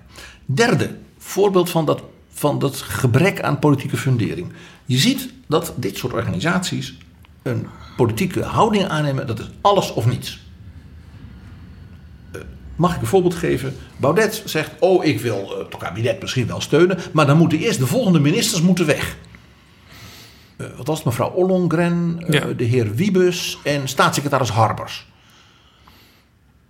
de argumenten daarvoor van, zeg maar zeggen, politiek staatsrechtelijke zin, dus heeft, zijn niet gegeven. Nee, en bovendien, als je zo redeneert, dan kan, kun je nog wel een aantal andere bewindslieden verzinnen die ook weg zouden moeten. Want die doen ook dingen die in strijd zijn met het gedachtegoed van, van Forum voor Democratie. Ja, maar vooraf dat je dus überhaupt niet gaat praten, tenzij die mensen weg zijn. Een soort afrekening. Dat is heel kenmerkend voor dat alles of niets. Je ziet het ook bij Geert Wilders. Eh, die is dus ja, in een soort eh, doodlopende straat terechtgekomen hierdoor. En komt bij elk groot debat nog voor het debat begint met de motie van afkeuring of wantrouwen. Oftewel, Ja. ik wil helemaal niet praten. Ja, dit is inmiddels. Dit instrument is inmiddels zo afgestompt in de Tweede Kamer. dat de traditie die er was. eh, als iemand maar speculeerde over een motie van wantrouwen. dat dan meteen alle bellen gingen rinkelen. letterlijk in het Kamergebouw. omdat er gestemd moest worden. Want dat moeten we dat vuiltje nu even uit de weg ruimen. Dat dat nu vaak wordt overgeslagen. omdat men de schouders ophaalt en zegt: ja, het is Geert weer. eh, of soms trouwens ook de SP die om eh, over een motie van wantrouwen beginnen. Maar ja, dat hebben we nu al 10, 11, 12 keer gehoord. Het heeft geen, geen nut meer, dus we hoeven ook niet te stemmen nu. Dat doen we aan het eind van, de, van, de, van het debat wel. Precies dus wat ik zei. Het is een, dat, dit is een soort signaal van een soort gebrek aan politieke inzicht en bestuurlijk inzicht. Waardoor je dus de middelen die je inzet eigenlijk heel snel ja, aan betekenis verliezen. Dat is ook voor de democratie op lange termijn natuurlijk niet goed. Vierde van die kenmerken voor weinig politiek gevoel, weinig politiek inzicht. Wat je ziet is als zo'n partij succes begint te krijgen. Dat er dus in die interne radicalisering, die daar vaak bij te gaan, dat men zich naar steeds extremere mensen van buiten, ook van buiten Nederland gekeken wordt. En niet, als het ware, de interne verdiepingsslagen, eh, programmapunten. Zullen we eens een grote studie doen naar klimaatvraagstukken en dat als het ware als alternatief voor het kabinet neerleggen?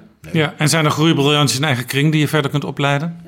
Nee, je ziet dus dat eh, eh, weet die, eh, Wilders die raakte helemaal in de greep van Pamela Kellert. Een zeer merkwaardige extremistische mevrouw in Amerika. Maar ja, die kon voor geld zorgen. Ja, lees haar tweets, dan zie je meteen wat voor mevrouw het is. Ja, eh, onze vriend Thierry Baudet heeft natuurlijk Jared Taylor. De Amerikaanse supremacist, white supremacist. Met zijn eigen Renaissance Instituut. Ja, die waren een tijdje geleden eh, aan het lunchen in het ambassadehotel op de Herengracht in Amsterdam. Die lunch duurde vijf uur. Maar dat is natuurlijk begrijpelijk, want met zo iemand, een, een, een, een, rassenhater, is het natuurlijk buitengewoon interessant om heel lang intellectueel te discussiëren. Nou, dan natuurlijk de, de, de merkwaardige eh, verbindingen van zowel Wilders als eh, eh, Baudet met de familie Le Pen.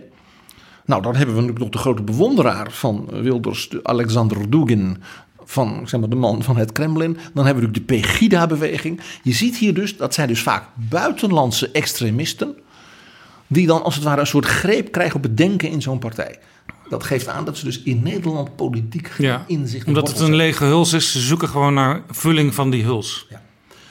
Dat vijfde kenmerk van eh, waardoor dat patroon ja, ontstond, is iets heel merkwaardigs. Dat is eigenlijk, daar zie je een aantal van die dingen bij samenkomen. Ik heb daar maar geen ander beter woord voor dan een dominant egocentrisme. Men kent geen cultuur van vrienden, van allianties, van bondgenootschappen.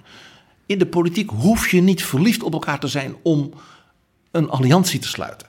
Je hoeft niet met elkaar te trouwen, eh, te fuseren om bijvoorbeeld te zeggen, nou we gaan een coalitie sluiten. Eh, Rob Jetten gaat niet trouwen met Carola Schouten. Maar ze kunnen wel uitstekend, bijvoorbeeld op het gebied van klimaat, op het gebied van kinderpardon, op het gebied van eh, mensenrechten, ja, eh, in Arabische landen voor christenen, uitstekend samenwerken. Ja, ze kunnen dus, eh, laten we zeggen, laten we even plechtig uitdrukken, het land verder helpen door voor een bepaalde periode intensief samen te werken. Ja, en elkaar dus te waarderen en te accepteren in de Ja, verschillen. met alle verschillen. In het, jouw gesprek met Gert-Jan Segers kwam dat zo mooi. Dat hij zei, ja, een van zijn toch wel verrassingen was... dat de partij waar hij het meeste moeite mee had... vanwege hun sterk seculier liberalisme, D66... dat hij zegt, ja, ik moet het eerlijk toegeven... ze hebben uitstekende bewindslieden waar, waarbij wij goed mee kunnen opschieten. En qua inhoud in deze coalitie kunnen we elkaar steeds beter vinden. Als het erop aankomt, als het echt piept en knarst in de coalitie, dan staan vaak eh, D66 en ChristenUnie hand in hand tegenover VVD en CDA. Nou, dat, dat spel ook van bondgenootschap, eh, hè, ook waardering, alliantievorming en natuurlijk politieke spanningen, dat zit dus niet in dit type partijen. En waarom is dat? Kijk, men zegt wij zijn het volk. Een ander heeft dus eigenlijk geen bestaansrecht. Wij zijn Henk en Ingrid, jij bent dus niet de gewone Nederlander. Eh, wij zijn de wederopstanding. Oftewel, alles andere is dood, wij leven nog. Bij de AFD, het schreeuwen bij alles op straat. Merkel moest weg. Die vrouw moet weg. Ja. Ze moet verdwijnen. Ze moet, ja, ook openlijke bedreigingen. Je hoort daar natuurlijk nooit zoveel over. Mevrouw Merkel blijft ingetogen. Maar dat is dus heel kenmerkend. Alle partijen hebben hun kiezers verraden. Vertrouw ons nu maar, met ons wordt het beter. Anderen hebben eigenlijk geen validiteit. En dan kun je dus ook geen alliantie meer sluiten. Nou, ook heel opvallend is, men heeft dus een permanente expressie van emoties. Veel minder van, oké, jij denkt zo, ik denk zo. Eigenlijk, wij willen samen bijvoorbeeld dit voor Nederland bereiken. Een belastingverlaging, eh, betere wegen, eh, salaris voor eh, kleuterjuffen. Laten we dan van onze beide ideeën dat verbinden en dan dat belang waar we beide voor staan ondersteunen. Nee, men wil kunnen roepen: het is een schande. Of wij worden niet gehoord. Of, maar het zijn dus expressies van emoties. Derde aspect wat hierbij hoort is dat die, noemde het eerder al, die polarisatie. Ja, jij deugt niet. Ook de enige stijlfiguur is die men intern kent. Men gaat zo ook met elkaar om. Dus ook binnen die partij is er geen alliantievorming. Nee, in de, al heel lang, dat blijkt ook uit eh, boeken die geschreven zijn door PVV-verlaters, is er in de PVV intern een soort zwijgcultuur. Ze gaan nooit echt eh, op een normale manier het debat aan intern. Niet over beleid en zeker niet over, inter, over dingen die ze intern dwars zitten. En je zag bij de LPF dat toen Pim Fortuyn was vermoord, eh, was er alleen het gedachtegoed dat nergens was vastgelegd. En dus iedereen kon roepen: ik ben de enige echte erfgenaam van Fortuyn. Ja. En met elkaar dus ging wegpolariseren. En sommigen hadden zelfs een lijntje met Pim. Men had een lijntje met Pim. En dat, eh, ik zal daar niks kwaads van zeggen, want men heeft, er waren mensen bij die waren met hem bevriend, die bewonderden hem. En dat die mensen dus diep, diep verdrietig waren. Om wat er met die man gebeurd was. En misschien ook met hun vriendschap, waar ze natuurlijk ook hoopten dat dat misschien hun, hun, hun toekomst zou bepalen. Daar ga ik geen kwaad woord van zeggen. Maar de gedachte dat dus anderen, als het ware, dat niet hebben. Als het ware zeggen, ik heb dat lijntje met Pim, niet jij. Dus niet het gezamenlijke, ook misschien in dat verdriet, bondgenoten, vrienden zijn. Nee, elkaar weg. Dus interne polarisatie Ja, want- is, is de stijlfiguur die dus de externe polarisatie natuurlijk voortdurend aanjaagt. Ja, want als je elkaar een beetje f- lief hebt, zou ik maar zeggen. Begin in christelijke termen te spreken. Dat mag hoor. Dan respecteer je zelfs elkaars lijntje, maar dan ga je niet zeggen: mijn lijntje is beter dan jouw lijntje. Of jouw lijntje bestaat niet, want het is mijn. Ik ben de enige die een lijntje mag hebben. Nog erger. Dat is dus dat, die, dat monopolistische eh, pretenderen van alleen ik ben het volk. Alleen ik ben de wederopstanding. Vierde punt, ook buitengewoon interessant wat je bij deze clubs allemaal ziet. De pretentie dat met ons gaat alles anders worden. En niet een beetje, niet van we gaan eens kijken of we de koopkracht van eh, zeg maar de mensen van de middengroepen een procentje meer kunnen geven. Nee, alles wordt anders. We gaan bij alles een referendum doen. Ja, waar de totale teleurstelling al bij voorbaat zit ingebakken. Dat zou kunnen. Kenmerkend is dus dat men dus daarmee anti-consensus is. Want als alles anders wordt, is het dus niet we gaan proberen de verschillende denklijnen bij elkaar te brengen en een gemiddelde goede stap vooruit te doen. Men is dus anti-polder en dus ook anti-elite. Want die elite is de groep waarvan je zegt, nou die brengt dus die gedachten bij elkaar, gaat afspraken maken en gaat daarmee vervolgens besturen. Dat is per definitie verkeerd. Ja. Deze manier van denken. Ja, overigens, eh Thierry Baudet is wel zo eerlijk dat hij al een paar keer gezegd heeft: ik wil de huidige elite vervangen door een nieuwe elite. Maar dat is dus hetzelfde wat ik zei. Men erkent dus het bestaansrecht van de ander niet. Het is een eliminatoren benadering van de samenleving. Ik zie in deze vijf gemeenschappelijke kenmerken drie, zeg maar, mag ik zeggen, onderliggende, eh, bijna filosofische stromingen. Nummer één, het is sociaal-darwinistisch. Hè, Net als bij Darwin, een bepaald soort dier is superieur aan een ander dier, dus dat andere dier sterft af. Jij moet weg, Merkel moest weg, eh, de elite moet verdwijnen, moet vervangen worden, zodat ik kan overleven. Dus het is sociaal-politiek Darwinisme en dat kennen we uit de 19e eeuw. Houston Stam- Chamberlain en filosofen uit die tijd. Tweede, zeg maar, filosofie, punt eronder. Dat is een permanente afrekencultuur. Dat eliminatoren. En dat is intern. Men vecht elkaar de tent uit en jij moet weg. Afsplitsingen, scheuringen, schorsingen.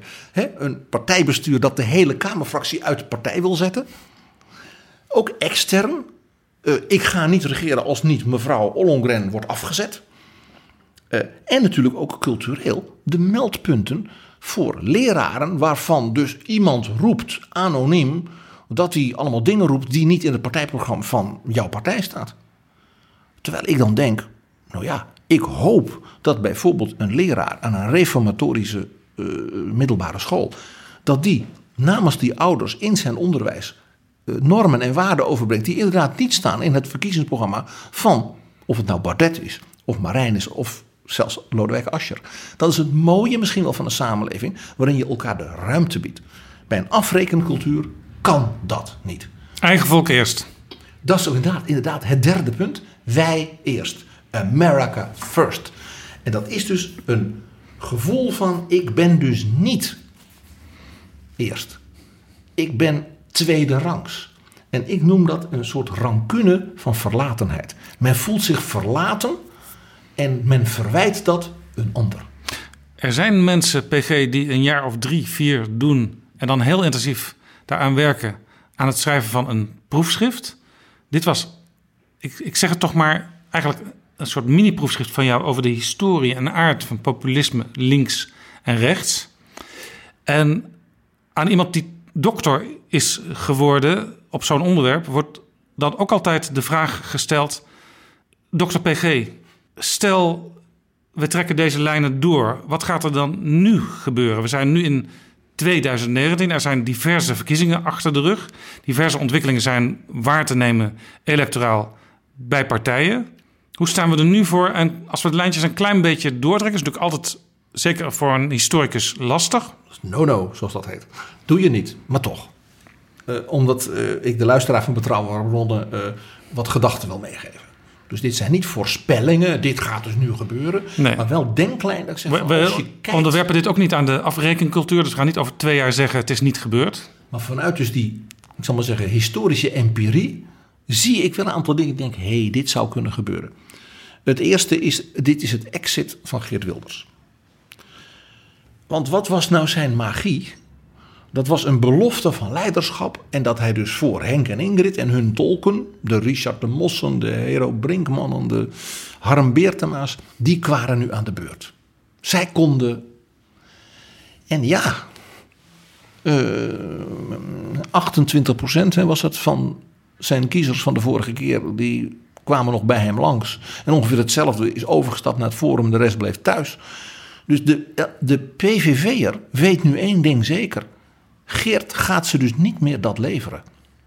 En blijkbaar dat die kiezers van hem, bijna driekwart daarvan, dat gevoel al had. Ja, jij denkt dat de golfbeweging op, neer, op, neer stopt hier. Ja. Uh, hij, hij, ook zijn reactie hierop, ik moest ineens denken, dat is misschien een heel vreemd beeld. En het is niet eens uit een opera, Jaap. Ik moest denken aan de film The Wizard of Oz. Met Judy Garland. Somewhere over the rainbow. rainbow. En dan aan het eind, die tovenaar van Oz. Dat blijkt een klein mannetje achter een gordijn bij een soort stoommachine. Het bleek dus niks. Fake. Nee, hij was wel. Die stoommachine was echt. Maar hij had dus een verpakking eromheen gedaan waar dus helemaal niks achter zat. En ik ben bang voor Geert Wilders dat dat nu voor ook zijn omgeving, zijn kiezers, die natuurlijk in dat patroon, hè, wat ik eerder schetste, ja, dus ook zelf, hè, dat dominante egocentrisme, men heeft geen cultuur van vriendschap en van samenwerken, dat dat dus hem nu gaat uh, fataal gaan En die kiezers die vertrekken weer naar een volgende beloftevolle leider. Ja, of, of, of, of blijven thuis. Hè, dat zag je, 40% bleef thuis. Dus wat in het, de PVV Limburg in 2012 gebeurde. Hè, met die fameuze uitzending van Pauw en Witteman.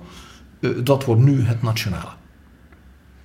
Zijn er nog meer dingen die jij al een klein beetje voorziet? Ja, voorzien. Nou, je, je hoort mij hoe voorzichtig ik ben. Is, nou, de SP. De SP, dat zag je ook uh, bij hun meest recente partijcongressen. eh, die partij is in een soort 50-50 scheuring situatie aan het raken. Ja, we hadden natuurlijk al eerder gezien, uh, zij is ook de gast geweest in Betrouwbare Bronnen, Sharon Gesthuizen, die uit de partij is gestapt, overgestapt is naar GroenLinks, uh, omdat zij het niet kon verkroppen dat er steeds uh, negatiever werd gesproken over vluchtelingen, over migranten. Wat zij in strijd vindt met de internationalistische gedachte van het socialisme.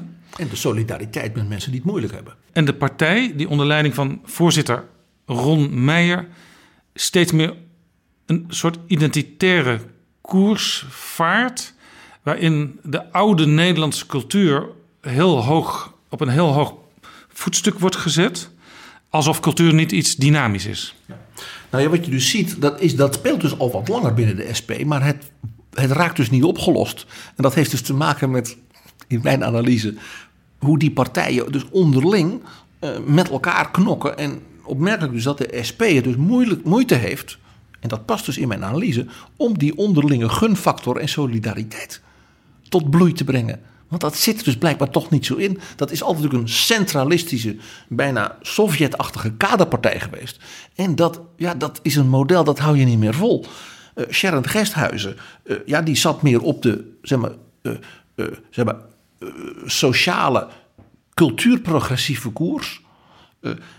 de partijtop zat dus meer op een soort rechtse vaak ook provincialistische ja. benadering. Ook een klein beetje strategisch ingegeven, denk ik, omdat ook kiezers van de SP af en toe ook wel PVV stemden. Nou ja, uit de cijfers aan het begin van mijn bijdrage zag je ook de SP natuurlijk wegglijden na de triomfperiode met Marijnissen. Dus ik snap het wel dat zo'n partijbestuur van waar gaan, we moeten die, die volkse kiezers terughalen. Interessant, de inspiratie hiervoor komt ook weer we hadden het hier eerder over, uit het buitenland. Het is dus niet een eigen verdieping, dit is Sarah Wagenknecht.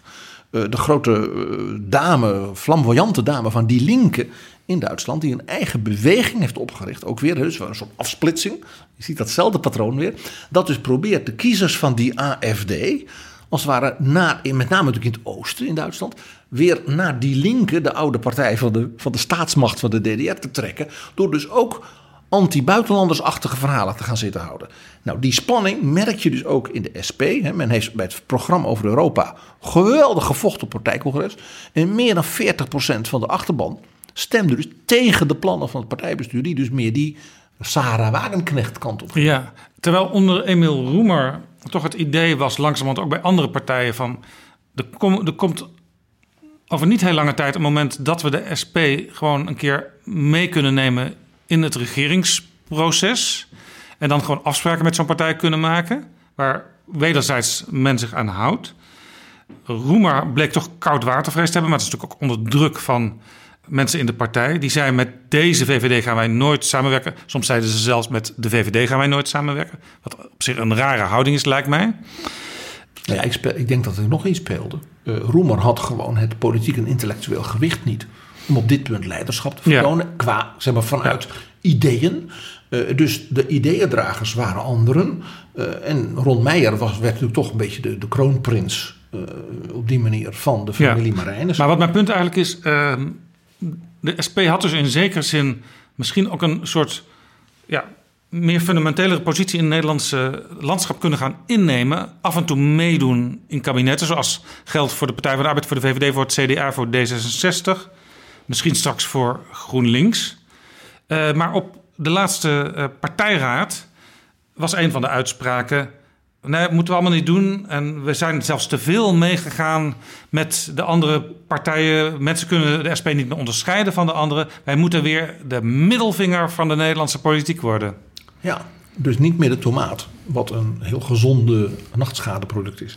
Nou, de SP had het dus in zich Denk eens even een man als Arjan Vliegendhart in Amsterdam. Die had natuurlijk uitstekend vicepremier op sociale zaken kunnen zijn van een kabinet. In, in uh, colleges van BMW, in colleges van gedeputeerde staten, heeft de SP laten zien de afgelopen periode dat ze wel degelijk mee kunnen besturen. Dat hadden ze kunnen kapitaliseren op nationaal niveau, hebben ze niet gedaan. En ze zijn dus in, in lijn van mijn analyse van hiervoor. Dus die interne radicalisering, het interne polariseren, het in feite anti-consensus, dat is die middelvinger, heeft dus ook daar, dus net als op de rechtse kant, op deze linkse kant, is dat het patroon gebleken. Ja, en een beetje in armoede wordt daar nu weer in verhevigde mate zelfs op teruggegrepen. Ja, maar dat, is, dat heb je bij radicalisering. Het kan altijd radicaler. De, de tomaat is mooi, maar de middelvinger is natuurlijk dan is de volgende stap. Ik heb nog een derde eh, eh, ding waarvan ik zeg van dat zou vanuit deze analyse eh, kunnen, zich kunnen gaan ontrollen. Eh, De PVV heeft natuurlijk eh, het heel slecht gedaan in die statenverkiezingen. Is dus in die, in die provincies gehalveerd en soms min 40 en soms nog erger. Dus de samenhang in die fracties, voor zover ze die al hadden, want er waren heel veel afsplitsingen natuurlijk in, is kapot. En die zien natuurlijk de new kid on the block, Thierry Baudet. het forum. En ja, daar valt wat te halen. Misschien ook wel straks in de Tweede Kamer en bij de gemeenteraadsverkiezingen. Je bedoel je in de zin van misschien toch over de heg springen en aansluiten bij het Forum? Ook al ben je voor de PVV gekozen. Ja, nou ja, kijk, dat afsplitsen, scheuren eh, en dergelijke is natuurlijk een vast patroon. Dat hebben we aan alle kanten gezien. Eh, dus ik sluit niet uit dat bepaalde PVV'ers in die staten in ruil voor steun aan het Forum zich gaan aanmelden bij Baudet. Bij Otten dan vooral. En dat wordt interessant, want het Forum, eh, met die 2000 cv's, met al die geweldige mensen, eh, die kunnen toch moeilijk dan zeggen: Oh, laten we die eh, Pegida-achtige figuur uit de PVV maar in onze kring, in, in, in, zeggen maar, in compassie opnemen. Dat gaat natuurlijk gedoe opleveren. Ja, want dan weet je dat er juist wat je wilde voorkomen in potentie gaat gebeuren. En nog iets, er zijn natuurlijk mensen binnen het Forum die ontzettend hun best hebben gedaan voor het succes van die partij. En die zien dan een PVV'er die een baantje zoekt, als het ware voor kan krijgen. No, pas dat, eraan. Dat levert, zulke dingen leveren altijd gedoe op. Dus, dat, dus dat, dat proces dat hoort dus bij die afsplitsingen en dergelijke. En dat zien we dus gebeuren. We zien het voor onze ogen. Ja. En er is nog iets. Er wordt binnenkort wordt het heel spannend. De staten kiezen de nieuwe Eerste Kamer. Stel nou de PVV-fractie, waar er drie van over is gebleven van de zeven in een provincie. En die denkt, ja, wij stemmen dan op de PVV-kandidaat in de Eerste Kamer. Het wordt niks meer.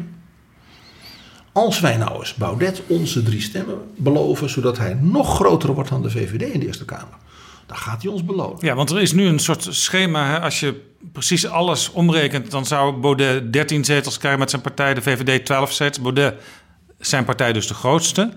Maar het kan ook net iets anders uitpakken. Bijvoorbeeld omdat bepaalde nieuwe vormleden eh, niet op tijd op de juiste plek zitten. Het is ook eens gebeurd dat iemand met de verkeerde kleur zijn stem uitbracht. Maar dat ze gewoon niet zeg maar, formeel beëdigd zijn, dan wel niet voldoen aan de vereisten van het statenlidmaatschap. Dus PVV'ers die zouden willen en dus Forum aan extra stemmen helpen, die zouden er ook voor kunnen zorgen dat Forum definitief de grootste wordt. Ten koste van de PVV. In de Eerste Kamer. Ik acht dit niet onmogelijk. En dan is er nog een vierde ding, ook weer kijkend naar die processen hè, in, in dat soort partijen de voorbije twintig jaar. Uh, je krijgt nu een heel apart iets. De Forumfractie in de Tweede Kamer is de heer Hiddema en de heer Baudet. Uh, die hebben het druk buiten de Tweede Kamer. De Eerste Kamerfractie zal straks groot zijn, wellicht zelfs groter dan verwacht. En die mensen hoeven maar één dag in de week op te treden. Ja, op dinsdag. Dus die komen. Met z'n allen. En daar gaat natuurlijk een soort leiderschapsdisbalans ontstaan. Ja, die zitten straks misschien met 13 mensen in de Eerste Kamer, terwijl de Tweede Kamer maar twee mensen telt en drie medewerkers. En dat ze in de Eerste Kamer natuurlijk echt gewicht hebben. Dus, het, dus, dus de focuspolitiek gaat zich richten op die Eerste Kamer en minder op die Tweede. Dat betekent dus dat zeg maar, de, het machtsevenwicht binnen het Forum gaat schuiven. Want daar zit Cliteur, daar zit uh, de door sommige dictator genoemde Otten. Nou is die Otten werkt, werkt tegelijkertijd voor de Tweede Kamerfractie. Dus in die zin zal het waarschijnlijk wel meevallen. Want die heeft alles elke seconde in de gaten, zou je zeggen. Maar dat is niet altijd een aanbeveling. Nou, dan komen er natuurlijk die leden van de Staten. De leden van het Europees Parlement. Die mensen willen allemaal natuurlijk beloond worden. Die zeggen ja, en dat is natuurlijk het volgende punt. Uh, uh, hoe gaat de Tweede Kamerlijst eruit zien voor 2021? Uh, ik vind dat ik beloond moet worden. Ik ben toch heel eh, goed in dit, ik ben toch heel goed in dat. En bij die 2000 cv's heeft u mij overgeslagen. Dat was een belediging. Dus dat intrinsiek egomane wat in die partijen zit, gaat gisten. Ja, er gaat dus ook een enorme strijd ontstaan, voorspel je eigenlijk, straks om een plek in de Tweede Kamer op die lijst. Want dat is toch wel het allerhoogste wat je in, zeker in Vorm voor Democratie ogen kunt bereiken. En zoals jij al liet zien eerder, is dus die HRM-kant. En dat is toch, als het gaat om politiek en politieke machtsuitoefening, cruciaal. Heb je de goede vrouwen en mannen die ook echt wat kunnen en met elkaar iets voor elkaar boksen. Ja, dat gebeurt niet in de Tweede Kamer met Hiddema en Baudet. Nee, een hele goede Dat haar- gebeurt dus wel Ja. in die Eerste Kamer. En dus gaan dus die mensen die iets willen zich bij die Eerste Kamer melden. Want die Eerste Kamermensen, die zijn eigenlijk de baas in die Ja. partij. Ja, en, en, en als je heel goed personeelsbeleid toepast op een nieuwe club, dus je hebt een, een ruimte die leeg is, daar moet je een groep mensen inzetten, dan moet je ervoor zorgen dat dat eh, karakters zijn eh, die niet allemaal hetzelfde zijn, die elkaar op vele manieren aanvullen, die elkaar soms ook in balans halen of intern tegenspreken en uit tegenspraak kunnen ze weer, weer groeien. Ehm, ze denken, ze doen een beetje voorkomen dat ze dat proces hebben toegepast, maar we zien nu al dat dat eigenlijk niet zo is. Mijn analyse is dat dit type organisatie, dus die gunfactor, die interne solidariteit rond ideeën, per definitie niet heeft. Omdat gunfactor en die solidariteit horen bij consensus, bij polder, door elkaar wat gunnen. De werkgevers en de werknemers zeggen: laten we bij elkaar kruipen, proberen er toch uit te komen met de pensioenen, met het klimaat. Zij verwerpen dit. Dus dat zit intrinsiek er niet in. Er is nog één punt en dat is nou, wil ik zeggen, aarzel om het te zeggen. Dat, wat ik ook, waar ik zeg van ja, dat zou wel kunnen. Eh, nu Baudet dus een factor is in de Senaat, is hij dat natuurlijk ook voor ja, de supporters van eh, zijn partij en zijn groepen in Europa. En dat is het Kremlin. Eh, Baudet heeft zich natuurlijk zo vaak zo gevoelig getoond voor de, de, de, de, ik zeg maar zeggen, de, de, de lijnen hè, van Erdogan en eh, zijn gedoe rond MH17, Ja, ik zijn steun voor Assad. eh, eh, dat ik niet uitsluit dat hij, als hij een factor is, dat er dus gewoon in die club van hem ook gewoon gemanipuleerd gaat worden via social media en wat dan niet. En of ze op dat punt niet heel naïef zijn, dat zou best eens kunnen. Dus ook dat is een factor waarvan ik zeg, ik, ik, dat is zo'n soort risico wat je kijkt vanuit dus dat verleden. En wat er in andere partijen in andere landen van datzelfde soort gebeurt. Waarvan je zegt van dat is een realiteit. Ja, ik had het er in de vorige aflevering van Betrouwbare Bronnen over met Rob de Wijk. Die, die zag ook invloeden vanuit Rusland. En hij zei, misschien is het bij het Forum nog wel erger dan het bij eh, Wilders geweest is. Punt stuk Wilders, die heeft in de eerste jaren van, zijn, van het bestaan van zijn partij... juist connecties met Le Pen, maar ook connecties met het Kremlin bewust afgehouden. Daar wilde hij niks mee te maken hebben. Later is hij bewust wel de drempel overgegaan. Maar bij het Forum voor Democratie zie je eigenlijk... al voordat ze in de Tweede Kamer kwamen... zag je allerlei contacten al met... nou ja, je noemde straks wat namen. We kunnen het niet bewijzen, maar we horen wel in de woorden die Thierry soms gebruikt... dat zijn ook woorden die je van, van Kremlin-ideologen hoort. Nou ja, en dan, dan zal hij ongetwijfeld zeggen dat het ironie is of dat dat een soort intellectueel spel is. Maar zo'n MH17-actie, eh, dat gaat niet om. We willen wat meer tulpen kunnen verkopen op, eh, in de winter in Moskou. Want dan hebben die mensen ook een mooi kleurtje in huis. Dat gaat gewoon over bijna 200 Nederlanders ja, die gewoon vermoord zijn. En dat maakt dus zo'n partij kwetsbaar voor nou ja, manipulaties. En vandaar dus eh, het punt van, van, van, van Rob, eh, Rob de Wijk, ja, daar zit wat in. Laten we afsluiten met de hoop, PG, dat een aantal van jouw doorgetrokken lijnen niet gaan uitkomen. Jaap, ik hoop dat met jou. Dankjewel, PG. En blijf nog even zitten, want we gaan zo praten met Jamie Shea. En daar zitten ongetwijfeld ook een aantal aspecten aan, aan dat gesprek waar jij als historicus een bijdrage kunt leveren. Dankjewel. Dit was Pieter Gerrit Kroeger.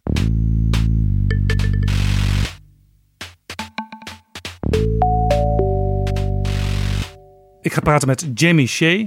Tot voor kort Deputy Assistant Secretary General for Emerging Security Challenges at NATO headquarters in Brussels. Welcome, Jamie Shea. Thank you. You've been retired recently. Can you tell me what your last function meant, Deputy Assistant Secretary General for Emerging Security Challenges? Well, first, uh, I had such a long job title that I needed two business cards to accommodate it. Uh, but beyond that, yep, uh, I was responsible for uh, putting onto the NATO agenda uh, the so called new security challenges like cyber defense, uh, energy security issues, uh, new technologies. Of course, everybody's talking about those new technologies now. And also uh, trying to get NATO to look more into the future, what we call in the jargon strategic foresight analysis. You know, what's the world going to be like in 10 years' time? What are the probable scenarios? What do we do now to be ready for that world? Those kind of things. So most people and rightly associate NATO with tanks and planes and missiles and the instruments of classical conflict and conventional defense. But uh, as you know, there is another type of conflict these days, uh, which is what we often call hybrid conflict. In other words, not against our borders, not against our land, but against our society, uh, our populations, like terrorist attacks, like cyber attacks. So my job was to help NATO to get ready uh, for that sort of 21st century type of conflict and not just for the old 20th century type. We talk about that later. But first, some of our listeners might remind you as a NATO spokesman during the Kosovo War, in which you were talking on television almost on a daily basis. Yeah. It turned you into a legend. Well, I became famous, uh, as Andy Warhol once said, uh, for 15 minutes, maybe a little bit longer than 15 minutes. In my case, it was 78 days, which was the duration of this air campaign. But yes, the, that Kosovo conflict, which uh, broke out almost exactly 20 years ago today, uh, became a massive media event because uh, it excited a lot of passions and a big debate. You know, uh, should NATO be doing that kind of thing, uh, intervening in another country beyond its territory? did Kosovo have the right to be independent because it had suffered uh, uh, ethnic uh, cleansing? Would we find a diplomatic solution? Would there have to be a ground operation to solve that? It, it, really excited the passions. It became not just about Kosovo, but about security policy in the 21st century. Can you intervene if you don't have a, a specific UN, count, UN Security Council resolution? So, yes, uh, maybe a bit surprisingly, for 78 days, it, it became the dominant news event around the world. Uh, and so I, as the spokesman, accidentally became uh, a dominant figure. It wasn't planned that way, but uh, as you know, in life, things happen. One of the things, of course, which was remarkable uh, in the Kosovo War was that suddenly Russia, almost as a 19th century Russia, developed itself again as a sort of a, a protector of peoples in the Balkans. And that so also the new relationship with Russia became suddenly, uh, you know, visible and also uh, remarkable and a bit, you know, uh, how do you call this, disconcerting. Well, I- indeed. I think that by the time that NATO intervened in Kosovo in 1999, the, the nature of Russia was changing away from the experiment with democracy, the, the Gorbachev period, the early Yeltsin period, when Russia had been embracing Western values. You remember cooperating with the West over the Gulf War when Saddam Hussein invaded uh, Kuwait in 1990, uh, even suggesting that one day Russia could be a member of NATO. Uh, uh, it sounds very surreal today, but it was discussed at the time. But I think by the end of the 90s, Russia was beginning to rediscover its more Asiatic roots, to look east, to see itself uh, as a separate great power, and to try to reassert itself as a separate great power rather than as, if I can use this expression, just another member uh, of the Euro Atlantic family of nations. Secondly, uh, NATO was enlarging in 99. 20 years ago, in March, we brought Hungary, the Czech Republic, and Poland I- into the alliance. Uh, and you know that Russia had big problems with that NATO enlargement. It believed that NATO was moving its borders closer to, to Russia. And then on top of that, factor number three, we had Kosovo, where Russia uh, saw a new face of NATO, not the, the NATO that sits on its territory waiting for somebody to come and attack it, but a NATO which projects its uh, force uh, beyond its borders in the name of human rights, yes, you know, to stop ethnic cleansing, uh, uh, to stop genocide, uh, uh, to help oppress people, and all of those kind of things. But again, for Russia, that new role of NATO, I, I think, worried them. And so I think it was those conjunction of the three factors together which meant that, yes, Russia broke off relations with NATO for quite some time. and we started to adjust to the fact that it was going to be difficult to integrate Russia uh, into Europe, and we would have to continue a little bit like in the Cold War, uh, but to deal with Russia uh, as a different, uh, separate uh, uh, major power. And we are, of course, are still living that particular issue today. And including that Russia in the Kosovo War also reasserted itself as the sort of the defender of the Orthodox because it was in favor of Serbia, like 1914.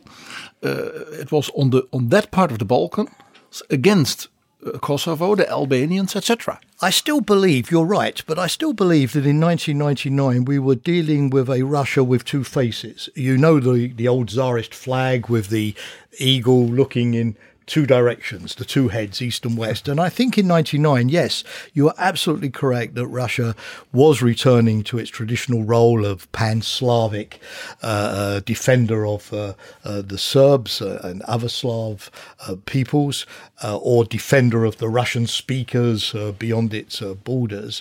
But there was still a, a, strain within the Russian government that wanted to cooperate with the West, uh, could see that Milosevic, the leader of Serbia uh, then, uh, was really maneuvering his country into a cul-de-sac, into a dead end, and was interested in trying to find a diplomatic solution uh, before the conflict went on and on and could have inflicted greater harm on, on, on Serbia.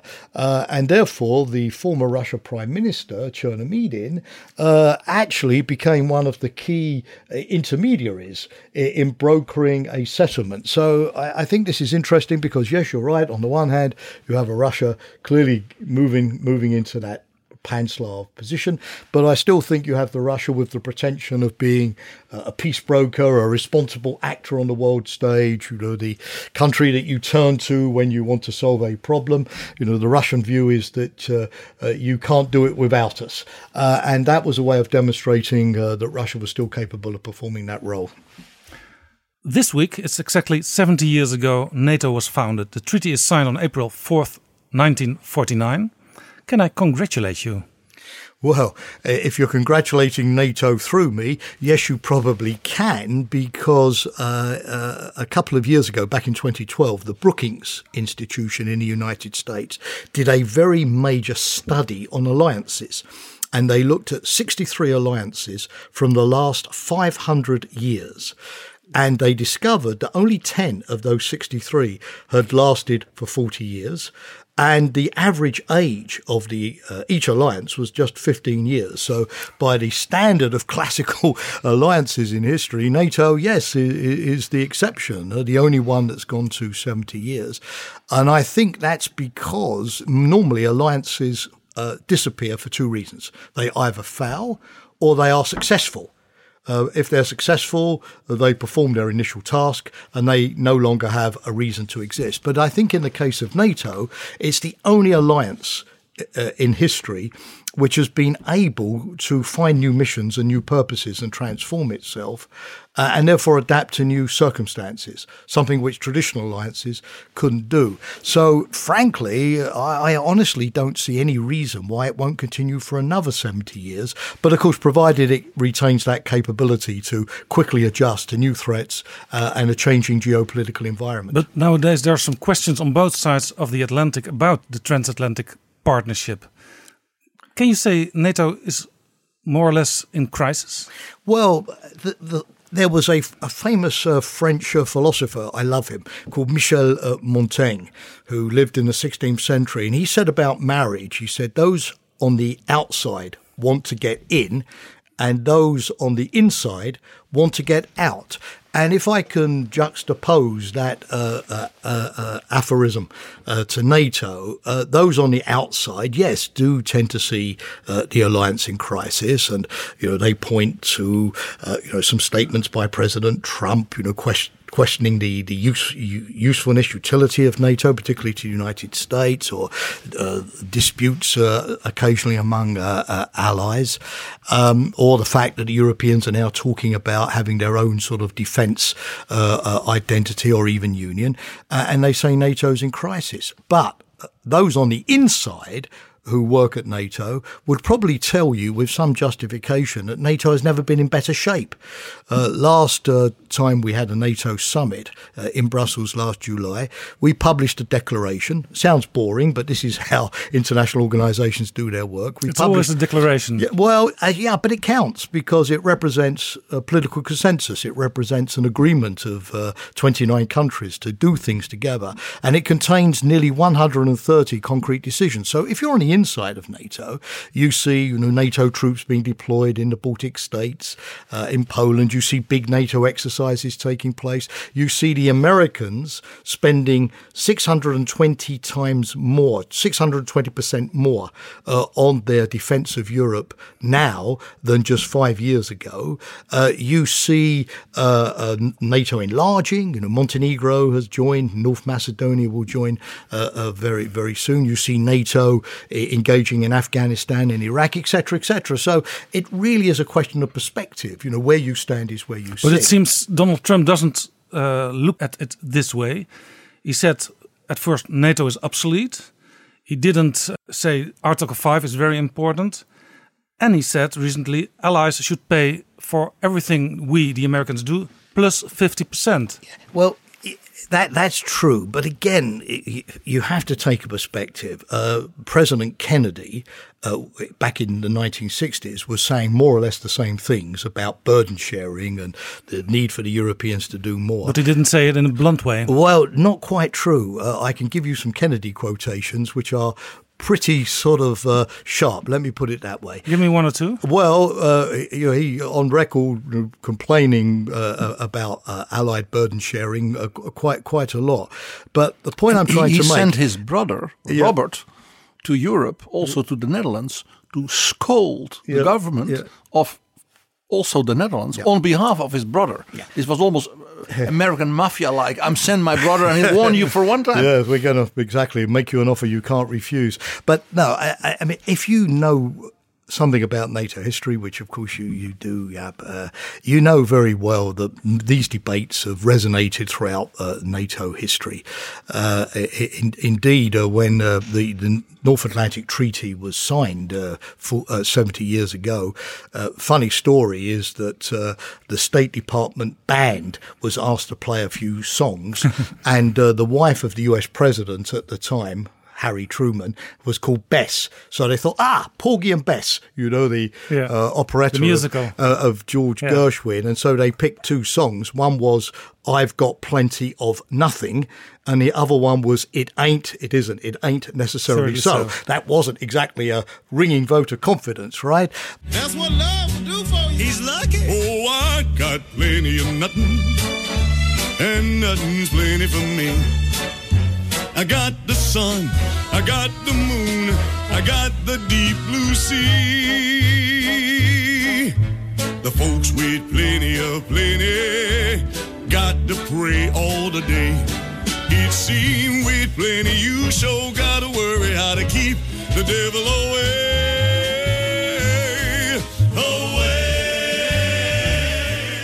So a lot of the debates have been there. Uh, have been there. Before. Nowadays, they would play "Money, Money, Money," but must be funny. Yeah, in, indeed. Or I think when NATO was uh, fifty years old a few years ago, uh, uh, or sixty years ago maybe, but the band played the Titanic uh, theme tune. So we haven't got a very good history with uh, bands at, at Abbas Waterloo. but no, on a more serious note, though, I mean, I, th- I, think the first thing is keep a sense of perspective. You know, we, ha- we these debates have resonated be, be, before, and NATO has survived them. Uh, that's the first thing.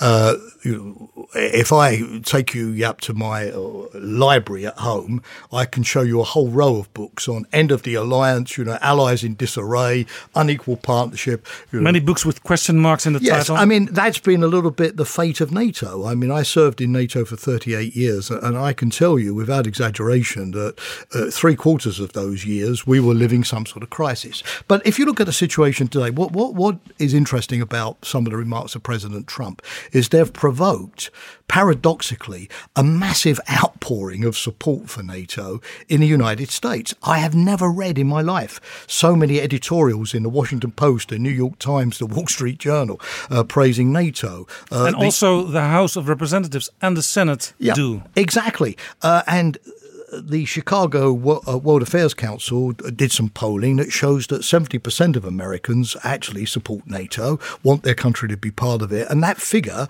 uh, notwithstanding all of the talk about of American disengagement, is higher in the United States than in most most uh, European uh, uh, countries. I mentioned the fact that the United States under Trump has paradoxically increased its military presence and its spending on Europe. So, s on the one hand, you can look what is said, or, or you can look what is actually happening. Uh, The uh, Dutch, the Dutch Prime Minister Mark Rutte told President Trump, "Count your blessings. All the member states are already paying more to the budget." Well, yes, and I think that President Trump is beginning to realise that for him this is a good news story.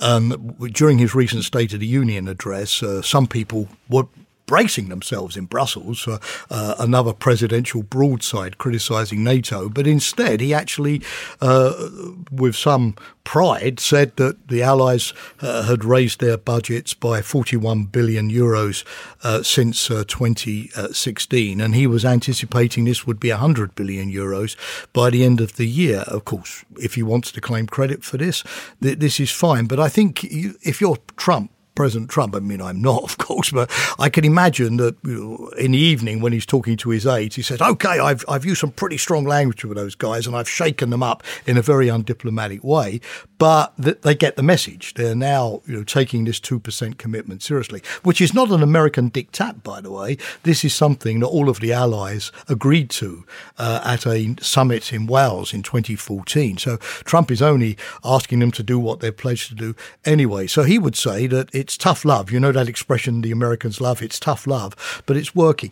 Uh, the the other thing also I would say is that I think that President Trump is is an iconoclast. I think he likes to question sacred cows, conventional wisdom. He's a businessman, not a politician. He likes to sort of ask these sort of fundamental questions that other people don't ask. And it's not just NATO. I mean, he's asked that question of the European Union, the United Nations, uh, NAFTA, uh, the World Trade Association Organization. There's hardly some international body where Trump has not asked the question, you know, why does it still exist? So I think for- businessmen always talk harsh uh, to get more and to pay less. well, uh, uh, hopefully to get more from the Europeans, but not less from the United States. But what I'm saying is it's also a challenge for NATO not to get complacent or fall asleep or think that, you know, how dare anybody question the alliance? You know, we're not a sacred cow. We, the taxpayers fund us. We are, uh, we live in democracies. We have to be accountable and transparent like any other body. So uh, I would therefore for NATO see this as a challenge to say, look, you know, if we have a function, we should be able to convince President Trump. If we don't have a function, we won't be able to convince President Trump. But it's a test that the alliance should feel comfortable that it, it, can pass. We shouldn't necessarily be frightened uh, of having that sort of scrutiny uh, placed on us. You know, if you're good enough, uh, you'll speak for yourself, right? This year, the 70th birthday year of NATO, there was expected to be a new uh, NATO strategy. Uh, but there is no new strategy. And last week in my podcast, I ha- had Rob de Wijk. Oh, yeah. And Uh, yeah, I he know- I stated, know him well. He stated that there is no new strategy because of Donald Trump. Well, I think that we're in a flux at the moment uh, because uh, for the first time in NATO's history, we are facing not one front, but three.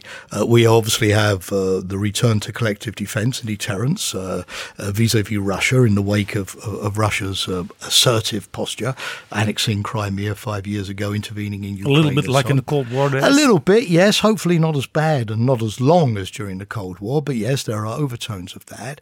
But NATO doesn't have the luxury of simply being able to go back to the future and do that because the second strategic front is the south. Many allies, particularly in the Mediterranean, feel that the threats from the south, terrorism, uncontrolled migration, organized crime, collapsing states, uh, are more real for them on a day to day basis than what's going on in the east. And then the third front, uh, which I mentioned earlier, is this new hybrid war front. You know, how do we deal with adversaries who uh, don't want to or don't dare to attack us in the conventional way because they know we're strong, but who then see the, the weakness, the Achilles heel, the soft underbelly being in our polarized societies, our uh, businesses which can be sold, uh, gaining control of vital infrastructure or telecommunications, So are you sa- news, are you saying things so are so different, too different, to present a new strategy? Well, I, I think that what NATO is doing is coming to terms with the fact that it now has to do many, many things at once. For much of my career at NATO, and again, I was there for a long time, uh, it was pretty easy. It was one problem in one place at one time. Looking to the east. Exactly. You did the Cold War. The Cold War came to an end. Fine. Just in time to go to Yugoslavia. Yugoslavia came to an end. Fine. Now let's go to Afghanistan. You get my idea. Uh, but uh, so we really had NATO meetings, which were dominated by just one topic.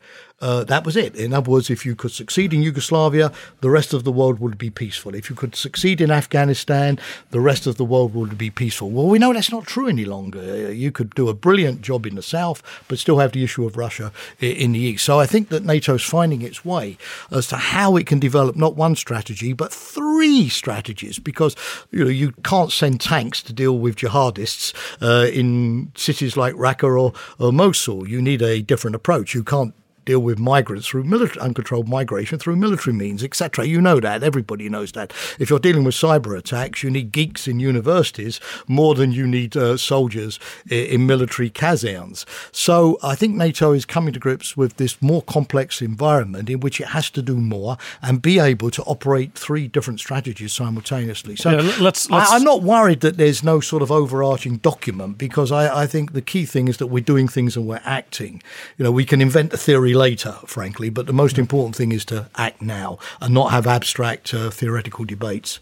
But but still, uh, and let's talk about those those three strategies later on.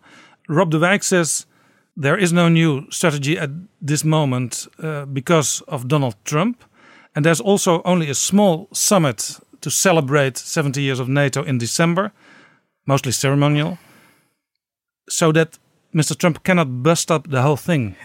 Well, uh, let me say that first of all, uh, we are going to have a NATO summit with Donald Trump. It's going to be in London. It's going to be in December. That's still the 70th anniversary year, and we haven't sort of. Or I say we as if I was still at NATO. I'm not, but NATO hasn't sort of shifted over to the first of January, so it's still the 70th anniversary year. So there will be that.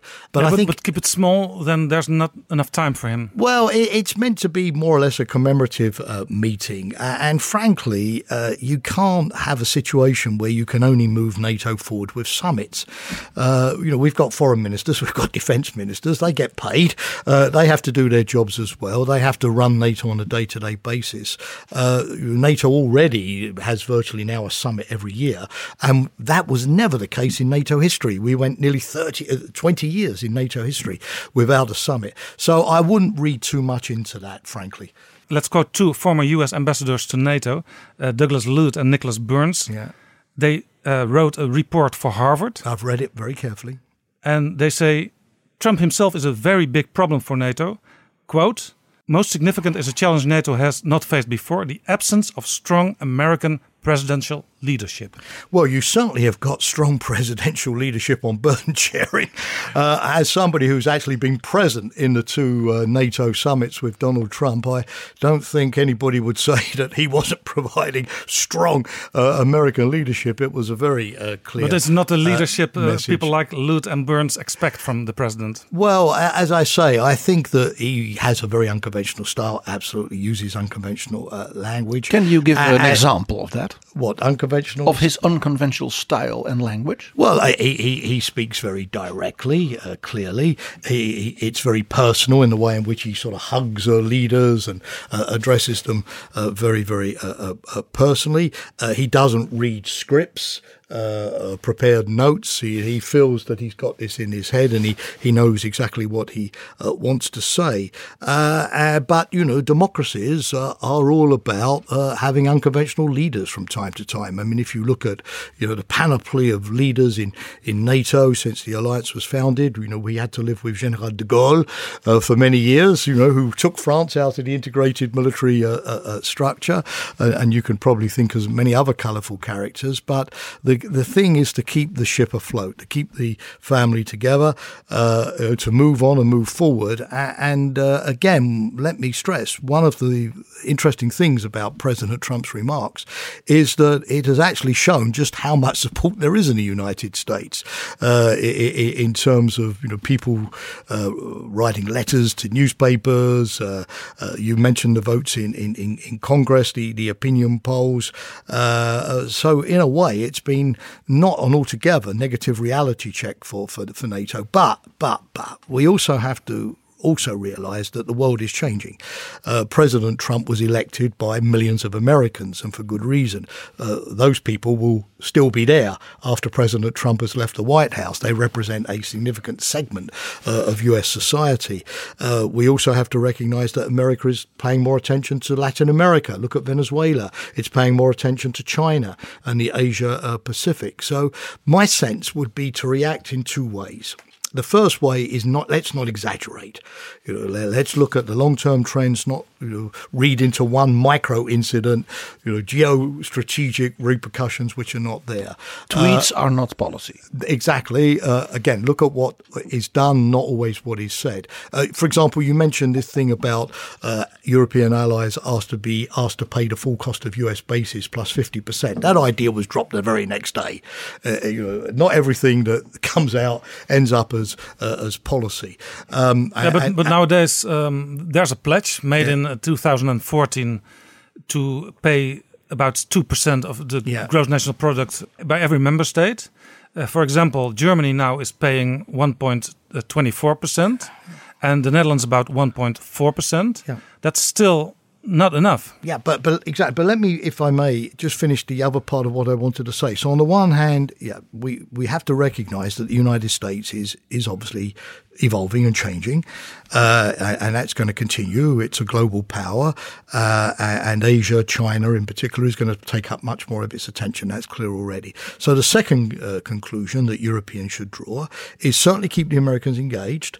Absolutely keep NATO engaged, but don't believe that 326,000 American troops, like the Cold War, are going to come back here uh, with 13,000 American tanks and 2,000 American aircraft and all of what we had then to defend Europe without Europeans. Uh, in the future, it's going to be an equal equal partnership. Uh, the United States will defend Europe to the extent that Europeans want to defend it themselves. So the lesson is not in you know some dramatic the Americans are leaving us way, but in a more cautious, deliberate way to start shifting the defence burden onto the shoulders of the Europeans. And and down in Brussels, uh, you know, there's been some very good moves in this direction.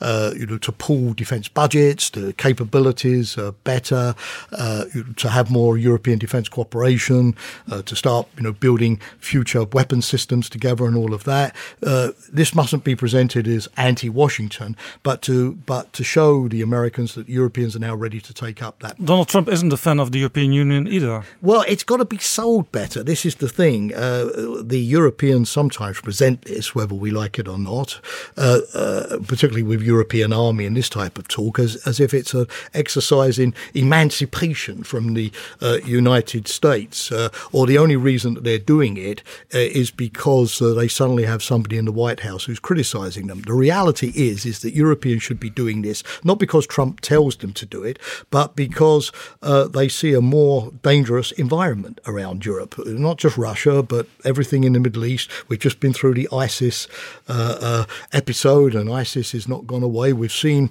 with all the Mediterranean all of the problems that we face, uh, and so Europe should not be happy to be the only sufficient, only power bloc in the world which is totally incapable of defending itself. This would be unthinkable for uh, US or China or Russia or, or, or, anybody else. So I think that the Americans will come on board. There's a lot of support for it in the United States, providing a narrative is presented that this is a way of sharing the burden. It's going to be done with NATO uh, and to show the Americans what they have to gain rather than what they have to uh, lose from this. So, you know, sometimes uh, you have great ideas which are ruined by bad language. Uh, uh, and I think, as I say, uh, developing a more consistent narrative of why we're doing this, which would make it uh, more favourably received in Washington, is, is, is, a key task. Because yeah. you know you can have a great product, but if you don't sell it the right way, uh, it doesn't get anywhere. Yeah, you told me we have to make uh, three new strategies. One of them is about cyber defense and about hybrid warfare. Yeah. And in that report, I, I mentioned the Harvard report by those two uh, former uh, ambassadors to NATO. Yes. Uh, they say we have to win as the as an alliance the technology battle in the digital age. How can we win that battle? Well, first of all, we've got to uh, invest more and see these things as, as, as real big strategic challenges uh, because uh, the, the person who masters artificial intelligence, biotechnology, hypersonic, uh, very high speed uh, missiles and, and, and weaponry, the, the, the digital uh, cyberspace, the future of robots, the In comes China. Of space technology, that person will also dominate the future of warfare and conflict as well.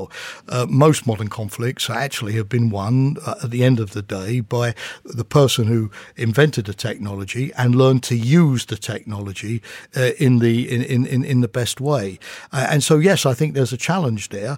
Uh, and Europe, uh, for instance, does have the scientific uh, industrial base. We have great universities, we have the people, but it's a question of making the key in- investments and also getting policymakers to understand the importance of this stuff and act before it's it, it, it's it's too late. We used to have this comfortable assumption that because we had technical superiority, we could sort of let the others do what they liked and then decide one day to catch up, and we would catch up. In other words, if you're an Olympic sprinter, can let the other guys start running because you know that when you start running, you're going to overtake them within a couple of because kilometers. in the end, we are always the best. Exactly, uh, but that's not the case anymore. Uh, uh, the, the, Russians have shown uh, in the cyber area just how much they can get ahead in hypersonic weapons, in electronic warfare, in jamming, uh, in having multiple drones that work together and swarm together.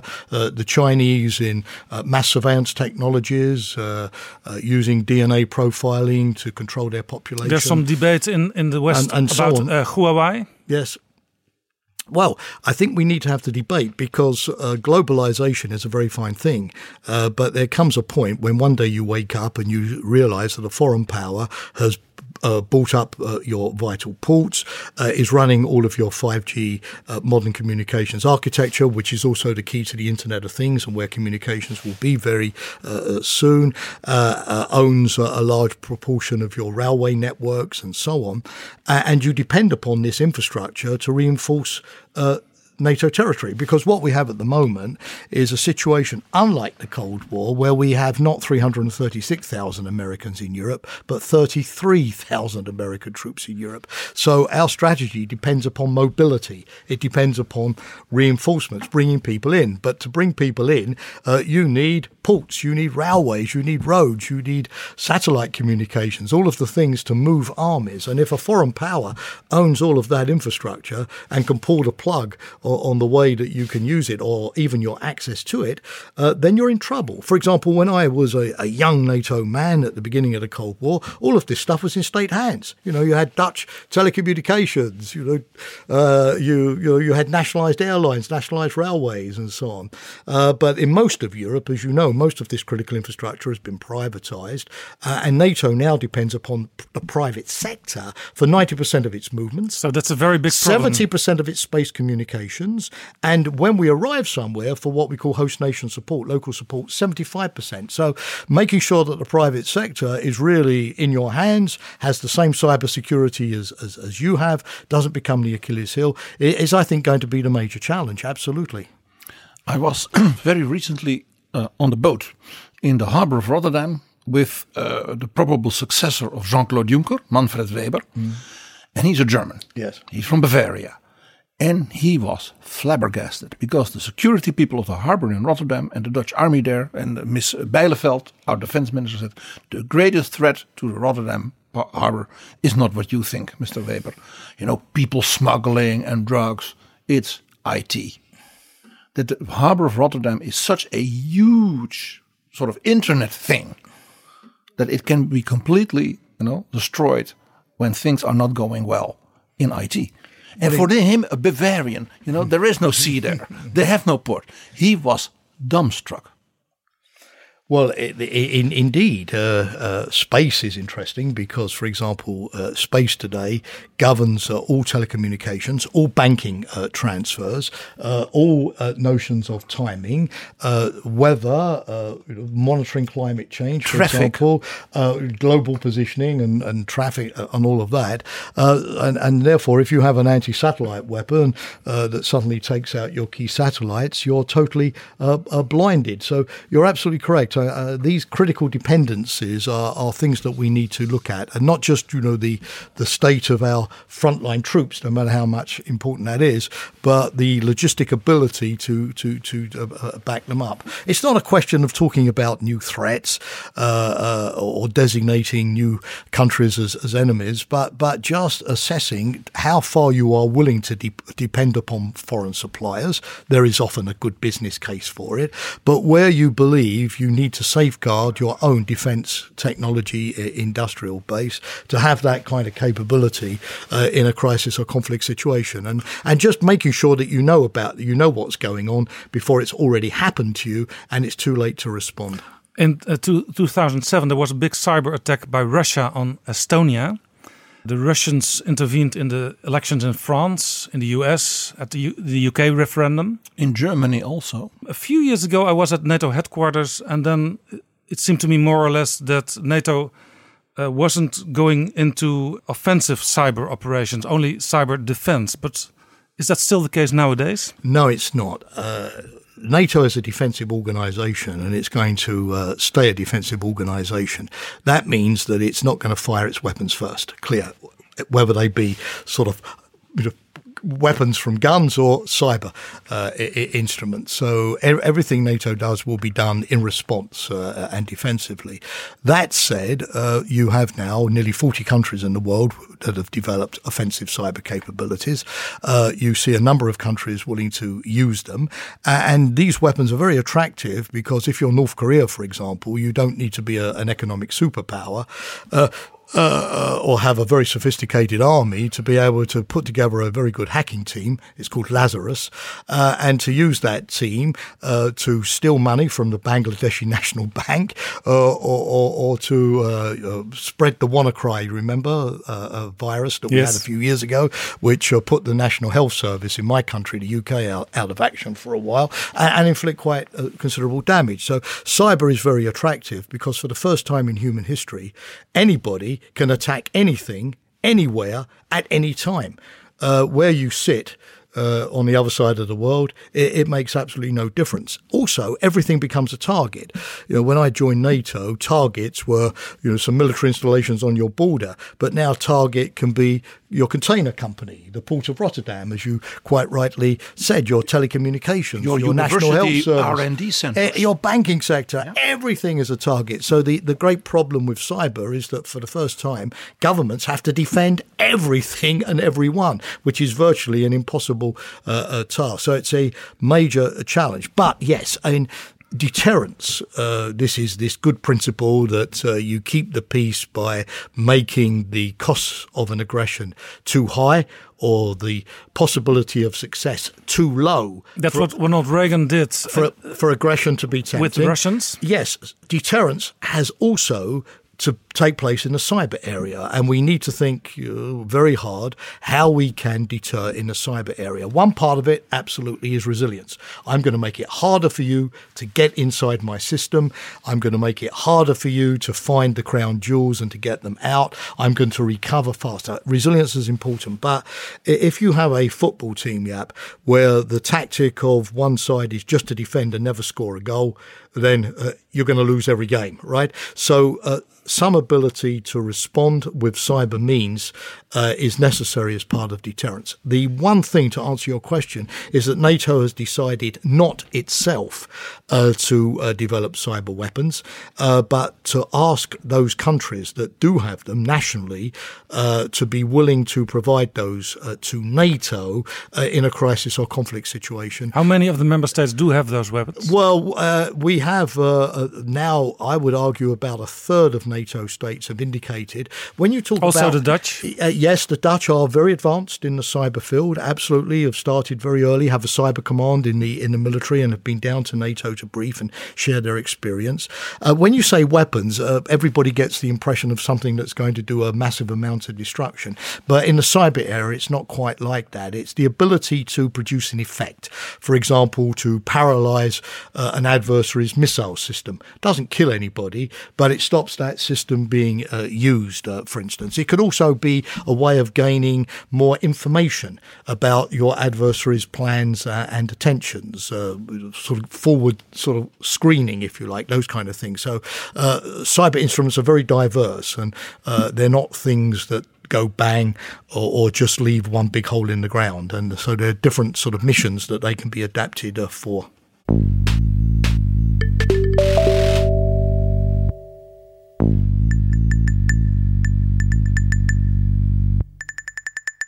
Dit is Jaap Jansen met Betrouwbare Bronnen. En ik praat met oud-NAVO-topman Jamie Shea. China is, is seeking dominance in digital military technologies. What do we have to do with China? Well, I, I, think the first thing, as I mentioned a moment ago, is that we need to look at our critical infrastructure and, and decide what we want to keep in government hands, or at least state hands, our companies, our intellectual property, uh, our base of scientists and technicians, and that which we're quite happy in the world of globalization to outsource, as we say, to others, particularly, yes, where like Huawei, they're do, often cheaper. Yeah, do you agree with, the, with the Americans uh, that we don't have to open our things wholeheartedly to Huawei? Well, I think we have to be very careful. Uh, for example, if we're using somebody else's technology, are we able to be very clear that that has not been bugged? I mean, we had an incident last year where uh, uh many US companies, as well as US government departments, discovered a chip the size of a grain of rice uh, implanted uh, in uh, microchip, which had you know come from from China. Uh, so somebody must have put them there. So I don't think we can be naive about this. Uh, uh, we're in an age where uh, inf- uh, artificial intelligence is driven by data, and the person who has the most data, the most information on the greatest number of people, in other words, who is able to input into computer systems the greatest amount uh, amount of data, will have the greatest amount of knowledge, and therefore the greatest ability strategically to to gain information influence. Um, and, and, so, yes, we I think we do need to be very, very clear that you know, the technology that we have does what it says and doesn't do what we don't want it to do or doesn't expect it to do. So, uh, much greater awareness of what you're buying. Uh, is it safe? Uh, has the company done proper cyber security uh, on it? Can I verify that there are no back doors? Uh, can I verify that once I bought it, somebody else is not changing it? Uh, yeah, absolutely. I, I think just like like we, you know, we want consumers these days to be much more discriminating about what they buy and you know choosing the right product and eating the right thing. Uh, then I think also in the, in in technology we need greater transparency over these things and not just see a cheap price and then uh, and then go for it. Uh, as I've said, uh, there may be large areas of the economy which can be perfectly open to this type of competition, but where we're dealing with really key strategic sectors that we're going to need to rely upon in a crisis, I think yes we need to be more uh, uh, vigilant. You know, every major power preserves a defence technology industrial base for its national sovereignty. And I think at the EU level, uh, we, we face exactly the same thing. The second aspect, uh, of course, is, is an aspect of regulation. Um, we're now coming into uh, new technologies which are unregulated. Uh, we're focusing very much at the moment, of course, on nuclear arms control, for example. Yeah, the INF, INF Treaty. Exactly. Uh, or what will happen with the START Treaty, the Strategic Arms Reduction Treaty, um, next year. The, but yeah first, we, first we, the Russians violated the INF yeah. treaty. Then the Americans said we want to get rid of this yeah. treaty, and NATO says we want to keep this treaty alive. Well, we're hoping that as there are still six months to go uh, before the treaty uh, ends, uh, it's the kind of warning period. My guest a, few months ago was Jaap de Scheffer talking about this. Yeah, my former boss. no, indeed. But but can I quickly just finish my other point and then sure. I'll talk about nuclear? What I was trying to say about these new technologies is if you look at things like what we call killer robots, autonomous weapon systems, machine learning. Uh, uh, uh, military capabilities, which program themselves, uh, smart drones, uh, anti satellite weapons, uh, the whole area of bioengineering. Miniaturization. exactly. There is yeah. no arms control, you know, cyber weapons. There is nothing. The UN has tried, but has so not It's a complete new field. exactly. And what I feel we have to do ourselves uh, is why we while we still have a window of opportunity before it really becomes the jungle and every man for himself and may the most powerful win. We Europeans, you know, particularly with our declining population and declining economic power relative to the rest of the world, have a big, big, big responsibility to start coming up with a series of norms of accepted restraints, transparency, limits. Uh, with a cyber weapon, you don't attack a hospital, right? That's clear uh, and put these down. For example, just so, so, so just like the European Commission is uh, lecturing Google and uh, Facebook. That was my point. You took exactly up the example I was going to uh, introduce. Exactly. Uh, and you saw the European Parliament vote a new directive on copyright. Controversial, I know, but the notion that, you know, the same laws that apply to uh, uh, copyright in normal print and media should apply to the internet and, and starting to rein in some of these massive companies that are sort of uh, forming, shaping uh, our perception of reality, our access to information, what we're allowed to see and not, using our data, often without our knowledge. The EU doesn't have a Google. It doesn't have a, a Facebook, but it does have uh, the power to start imposing some kind of uh, civilized uh, restraint and behavior and rules of the road, like the uh, privacy directive, you know, the general di- uh, uh, regulation on data pr- protection and the right of citizens to own their data and access it. So, yes, just like it's happening in the social media area, I think there is a big role for Europe, NATO, EU to start before it's too late. We have to make new international law. Exactly. To start looking, you know, for example, when if you have a killer robot, you know, how far does the human being have to stay in the loop?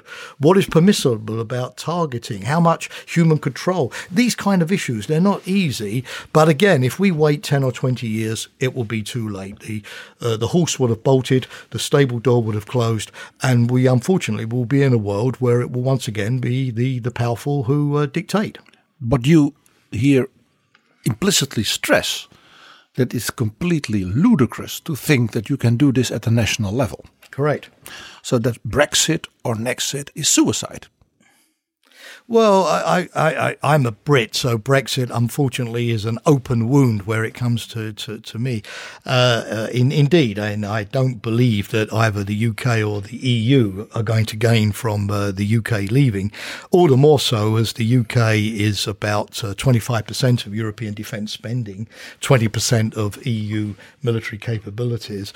Uh, indeed, some military planning uh, that's been done in Brussels shows that for nearly every EU operation, even a humanitarian one, uh, at strategic distance from Brussels. So that might you need already UK, be, be you a need problem UK for assets. European defence. Well, indeed. I, I, I mean, I, I'm hopeful that once we get through the divorce, uh, because sometimes, you know, if you are divorcing from your wife, uh, you have to get through the messy divorce settlement before you can once again become reasonable and responsible adults and, and then start talking about, you know, how you're going to talk to each other and relate to each Most other. Most people stay together for the children. Uh, well, whatever it's for, but you need to have a civilized uh, dialogue and need to find things that work. So I'm hopeful that once we get through this inevitably rather messy situation, uh, we can sit down and talk. Uh, what I think is true of the of the UK is that every single threat that the UK faces, and all of my British interlocutors agree on this, are threats that are equally faced by the Netherlands, France, Germany. There is not one single threat that We the are UK still in the same boat. from being uh, a isolated out of the EU. Exactly. The, the terrorist threats, you know, the the the the, the Huawei issues, uh, the uh, you know the issues of epidemics, the issues of uncontrolled migration, uh, you name it. The issues of Russian planes flying into our airspace. Uh, there is not one single threat that we face which is not an EU, if you like, threat. Uh, and uh, although Winston Churchill famously said that if the UK had to choose between the Channel or the Deep Blue Sea, it would always choose the Deep Blue Sea. I believe that the Channel is still going to be the most important piece of water for the UK in the 21st century. Uh, uh, and I think what you said, once we get through this messy divorce, we can then have the more adult debate on the future relationship, where finally, finally, these important security issues, which have been completely left out up until now, will will be addressed. May I ask you a personal question? Because since you were retired last September, you still uh, live and work in Brussels, but you are a Brit. Are you considering not staying a Brit anymore because of Brexit? Well, the, the, the I think like many of my compatriots who are uh, firm Europeans, in fact, I'm a European federalist, uh, which uh, means I'm a sort of endangered species in at least parts of the UK, have been for generations. But uh, the, the, the ability to continue to work in Europe, uh, live in Europe, uh, uh, make Europe the focal point of my professional activities is is is, is key. I'm hoping, as I say, that reason will prevail in terms of the protection of citizens, because we have three million EU citizens living permanently in the UK, compared with just over one million Brits living in the EU. So the UK has an overwhelming interest, given the massive, massive economic contribution. They pay 25 billion pounds in taxes every year to the UK, the EU citizens. That's a lot. A massive in- interest in protecting their rights, which means that for, I hope the EU will reciprocate uh, by obviously also protecting the rights of Brits. So it will not be necessary to change one's nationality. Uh, uh, a British passport will still be a European passport, even if it's not an EU passport. But uh, if it does become an issue that I have to change my nationality in order to be able to come to Europe without a multiple visa application process, then uh, that's a route I will definitely be taking. And then you'll become a Belgian? Well, uh, indeed, because I was hoping that with a name like Shay, uh, which is a good Irish name, uh, I would uh, qualify pretty quickly for Irish uh, citizenship. And uh, and if you are uh, uh, the if you have a grandparent who uh, is from Ireland, you can uh, apply. And, and I phoned my uh, cousin, who is the expert on the family tree, and said, Terry, tell me, did my grandfather come to Britain in 1962? He said, Jamie, you were a century late. He came to Britain in 1862, which means Irish citizenship completely disappeared uh, without a trace. What a Uh, pity. yeah, what a pity. Even though I've got a good Irish name, uh, but no, I'm afraid uh, uh, one century too late to help me out on that one. We mentioned the INF Treaty. Yeah. You you think still there's a chance of having it uh, the way it should be? Well, uh, it, it's not looking good. Let's be frank. Uh, there is a possibility. Uh, six months to go, but given the Russian statements, uh, Russia putting the blame on the US and NATO, arguing that it's the deployment of NATO missile defense systems which represents a threat to Russia. So uh, they believe that we have caused the problem, not themselves. Uh, Russia is still in denial that this uh, missile, the so-called SSC-8, uh, uh, really flies more than 550 kilometers.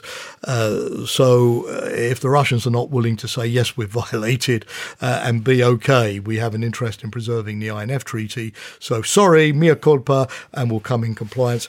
Uh, then I, I, don't see the treaty continuing. So uh, it doesn't look good. I mean, if you're a betting man, and, and it seems, uh, would you would you bet on it? So I think, as the Secretary General of NATO has said, we do have to start preparing uh, for the post INF world, even if some people would still be hoping that there could be a you know a Russian change of heart at the last minute. And it seems for Donald Trump, it doesn't matter that much either. Well, I, I think we need to take a new look at arms control. I've said uh, it, it's not bad if one treaty disappears if something else takes its place. For example, in the 1970s, we had strategic uh, nuclear treaties called SALT. Uh, the young generation listening won't probably remember that, obviously, but it stood for Strategic Arms Limitation Talks. And that went through the Nixon administration, the 70s. Uh, but the problem with that was that it allowed both the Soviet Union and the United States to increase the number of missiles to a ceiling. So it didn't reduce at all. It just put limits. So Ronald Reagan came along and said, that's no good. Let's replace it with something better called START. The, the big word there is the R word for reduction, which actually reduced, and we still have that today. So I'm not against per se uh, getting rid of a uh, of a bad agreement, but you need to replace it with a new agreement and, and a, better. better agreement. Now there is a problem in the world today, which is that when the INF Treaty was concluded in 1987, only the United States and the Soviet Union, with the exception of a couple of French missiles, had intermediate range ground missiles. So uh, they could get rid of their weapons, and that was almost a global ban. But today we've got Iran, we've got the Korea, North Korea, we have uh, China with a, a, massive number India, of those missiles. Pakistan. India, Pakistan. Thank you. Completely correct. Yeah. So there is now the issue that we need to bring in some of these others. So uh, my only hope is that there will be now some new thinking, uh, because both Russia and the US have expressed, believe it or not, a common a common concern about the proliferation of these missiles in other countries. So uh, you know, if it can be what the French call un mal pour un bien, something bad that produces something good, then we'll we'll see. But it can't be a situation which leaves us with nothing, because uh, to my mind, that would not serve security. Can I ask you a very specific point? We've had here in The Hague this uh, rather, uh, let's say, amusing but disconcerting try to hack the organization to protect the world from chemical weapons by yeah. some operatives yeah. from Moscow yeah. who worked almost like amateurs uh, and then there was this uh, rather uh, rather amusing in the sense of uh, fine press conference of the Dutch army and the Dutch uh, defense minister. And the Brits? What, and the Brits. And then I asked what what could the Netherlands now do to punish the Russians for this, so that they will never burn their fingers again here in The Hague, the city of peace and uh, and and justice, where all these international organizations are. It's it's a very good question, and I have thought, thought a lot about this because this is part of this so-called hybrid warfare. Stop, we stop, stop, stop, selling them tu- yeah. tulips is not well, the thing. No, the the answer I think is that we need to do four things. The first thing we need to do is resilience. You know, make it harder. I mean, if you go on holiday, you don't leave the windows open in your house. You you lock the doors. You put the burglar alarm on. It doesn't give you hundred percent certainty. don't take not, your normal iPhone eh, with eh, you. Exactly. You know, make it harder, uh, reduce the risk. Uh, uh, uh don't be an easy target. That's crystal clear. And what we've seen with many of the cyber attacks, for example, where uh, we had the WannaCry virus affecting the British National Health, it was because the British National Health had not updated its software, was still using old software, uh, and, and, so don't be an easy target. The, the first thing. The, the second thing is attribution, name and shame. I think the Netherlands did a great job of this after the incident at the OPCW. Uh, the Brits also, after the Salisbury incident with the chemical Novichok incident, put the evidence out there. And intelligence services who used to be in the shadows are now much more public, much more in the media. And that's very important in this Putting era it- of fake news. Yeah, fake news, putting the evidence uh, uh, out there uh, and uh, making name names, name names. Yeah, exactly. Uh, uh, dis- expose these people identities, Ridicule them. methods, Ridicule them. Absolutely, the adversary doesn't like to be ridiculed, and I think that's uh, very, very important because I think uh, over this incident, the Russians ended up being far more embarrassed than us. The third thing is that we need to push back. Um, if you have a situation where you have this incident and you don't react, and then you have another incident and you don't react, and then you react, but the next time you don't react, the adversary thinks, aha, for me, this is high gain and low risk. You know, uh, uh, it costs me nothing. Uh, the consequences I can live with, uh, and uh, I can keep doing it because if I hit the jackpot, like the interference in the U.S. election campaign, look at all of the uh, damage I, I can do. So we have to be consistent that every time this happens, there's going to be a reaction. There will be a price to be paid. I'm not talking about a military price. For example, the mass expulsion of Russian diplomats uh, after the Salisbury incident hurt the Russians. Really, they lost a great deal of their intelligence network in Europe. It's going to take them a long, long, long, long time uh, to put that uh, back in place. They were surprised. They just couldn't believe that you know many other countries, not just the UK, would show solidarity uh, and and So, respond. so this solidarity It's of. Western nations here is also a key element. that is also a, a, a, a completely key element as And it backfired the Russians. Yes, I think that did, uh, and because uh, normally we have a situation in NATO where solidarity applies only in our in the traditional sense to an armed attack. You know, if, if you're hit by a missile, then that's an armed attack solidarity. If it's something less, you're on your own. Uh, but I think now, uh, where we, clearly can have attribution to a state and a hostile action, NATO, for example, has declared that a cyber attack could be the equivalent of an armed We should attack. show solidarity in many layers. Exactly. Solidarity digital at many Article levels. 5. Yes, Article f- uh, in, in, in, indeed, uh, and I think that is going to be also a very very uh, key thing uh, uh, to do as, as as well. A new NATO pledge. Well, uh, I, I, I, it's difficult to consider that states would accept automatically because I think they'll want to see the evidence. Like you know, the Dutch produced the evidence, the UK produced the evidence of Novichok. I don't think anybody wants to give anybody else a, a blank check. You know, I'm with you. You know, whatever uh, uh, the consequences. No, but I think we need to start in NATO also working on a playbook. That's my final point. We have to work on a kind of series of instruments that we can use. It could be sanctions. It could be visa bans. Uh, going, you know, going after the oligarchs, for example, in a, in a way that hurts uh, them. Uh, they can't travel to their holiday destinations any longer. They start telling Putin, Vladimir, we're not happy with this situation. Stop, stop, stop selling them your soccer teams. Don't go to the Olympics.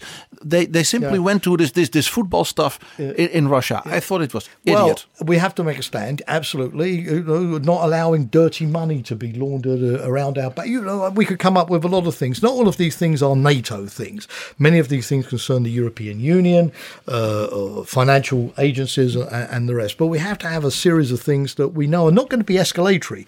You know, we're not talking about going to war, of course not. But we know these things are going to get the attention of the adversary, uh, and over a period of time, uh, we you know, through trial and error, because sometimes it takes a bit of trial and error, we will start identifying the things that get the attention of the other side and make it think, ah, wait a minute, uh, yesterday this was low risk, high gain. But today it's become high risk, low gain. So I'm going to be very careful before I start doing this kind of stuff. But we have to be consistent because if we're totally inconsistent, one time there's a reaction, next time there's nothing, adversaries will simply be emboldened to carry on with this type of interference. I have a different question. Core values of NATO are democracy, individual liberty, and the rule of law. Nowadays, there are three member states Poland, Hungary, Turkey that undermine their own democracies. What should NATO do with this? Well, the good news is that we're not alone in this effort in the sense that these countries, I mean, Poland and Hungary, are also members of the European Union. Uh, They are already more or less punished by the European Union. Uh, indeed, and uh, as you know, uh, your compatriot Franz Timmermans, the vice president of the Commission, has taken this up very vigorously uh, and eloquently, uh, with some success, by the way, uh, in the sense that uh, Poland has uh, dropped many of its proposed changes to ju- judiciary, yeah. which did not correspond. but if you read the NATO values. treaty, Yeah. they are they are also mentioned as core values of NATO. Yes, uh, in, in, indeed. Uh, we we've had uh, this undeniable from time to time difficult issues in the alliance. For example, when NATO started out in the 1940s, uh, there was Salazar's Portugal. Then in the 60s, we had the coup The in Greece. Uh, You know that the Turkish generals took over in Turkey in the early 70s. so- Turkey invading Cyprus. Yes, there, there have been. uh, there have been. But tho- those were the, the days of the Cold War. No, no, i- i- in, indeed, it, that that that's correct. But there was also uh, a, a, an assumption that these countries would come back, uh, even if there were temporary, uh, uh, if you like, uh, uh, diversions from uh, democratic values. And, and secondly, it was better to keep them inside the alliance, where you still had influence, where you had leverage, uh, uh, where they uh, obviously uh, themselves uh, knew that you know to have influence they had to uh, respect those values, have them have them inside than out. I mean, if you take the case of Turkey, do you think that our security would be uh, improved if Turkey was outside the alliance? I, I generally don't believe Yeah, but- that, but- and we'd have less less leverage. So I, I agree with you that these are not easy issues to, Yeah. to, to solve. and countries like Poland and Hungary want to stay in NATO. Oh, very much so. At all costs, al- almost. No, they, they very much so. And again, uh, let's look at the ballot box. I mean, for example, I'm not taking sides in any party political debate, but you see that the opposition in Poland is now ahead in the opinion polls. It's close. I can't predict the outcome of elections, but fortunately, in a democracy, you do get to uh, uh, change the uh, the government. Uh, Demonstrations in Hungary. yeah, demonstrations in Hungary. Uh, you saw that uh, Prime Minister Orban uh, has decided he wants to stay in the European People's Party uh, uh, uh, group and so on. So, uh, i again, uh, it, it's not easy. Pressure uh, has got you obviously can be applied. How to do that most productively, sometimes behind the scenes, might be better. Uh, but we are still, fortunately, dealing with countries, uh, Turkey included, that do have democratic elections in Turkey as well. Uh, uh, Prime President Erdogan has been a dominant voice in recent years and has won many, many electoral victories, but uh, coalitions of the opposition in municipal elections and so on. So, what I'm trying to say is that uh, as long as these countries have elections and proper dem- democratic processes, uh, uh, the pendulum does swing and, and, and, and will swing. But it's better to keep the family together and ultimately you know, get everybody back on an even track, I believe, than to start throwing people out because that doesn't solve the problem. And I don't think it would be uh, to the advantage of our security to, to, to, to, to do that. I hear Lyndon Baines Johnson on J. Edgar Hoover. It's better have him inside the tent pissing out than outside the tent pissing in. Well, it, it- that was a very famous politi- political expression, yeah. But uh, but uh, uh, but NATO, you know. It has obviously from time to time had these kind of strains. It's normal you know, when you have 30 countries are, uh, uh, around the table. We were talking about the United Mm. States a moment ago. The- but, the- the but I, but I think one of the alliance's great advantages is is to play the long game uh, and wait uh, and work behind the scenes, as happened with Portugal, as happened with Greece, Turkey in the past, so many other countries. So those countries you know, return fully into line with uh, democratic uh, uh, standards. What do you think of, about the suggestion of the two former NATO ambassadors from the US that NATO should review annually each ally's democratic practices? Well, it's not the best, to be honest with you, Yap, it's not the best organisation to do this. Uh, I'm not trying to say that NATO should shun the responsibility, but it's a collective defence uh, organisation. That's what it's for, that's what it's good at. Uh, you have far better bodies uh, like the Venice Commission, like uh, the uh, Council of Europe, uh, the Organisation for Security and Cooperation in Europe. I But the Council of EU. Europe, Russia is a member state. That's true, uh, but that, but their job, their job, their expertise uh, with their lawyers and their analysts is to look at you know the domestic scene and to come up with uh, qualified judgments on when, when is a, a court or an election in line with the constitution, when is the media free or, or not free. Uh, that they are frankly better positioned to make those kind of judgments. NATO is very good at judging a country's defence spending, defence capabilities, the quality of its equipment. You know, uh, everybody has their particular role, and, and I don't think we would be well served by asking NATO to do things that, frankly, are, are, are not its core business and where it doesn't have uh, the qualifications to, to, to do that. Uh, others are better placed to do it. Jamie Shea, thank you very much for this conversation. Thank you for the opportunity. I greatly enjoyed it.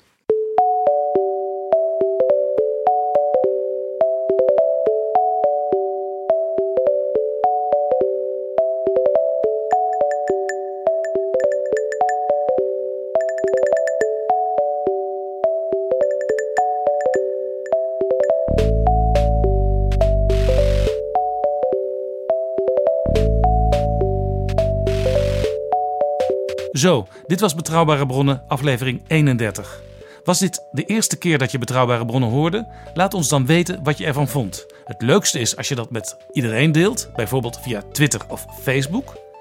Maar je kunt ons ook direct mailen via betrouwbare bronnen apenstaartdagennacht.nl. Tot volgende keer. Betrouwbare bronnen wordt gemaakt door Jaap Jansen in samenwerking met dag en nacht.nl.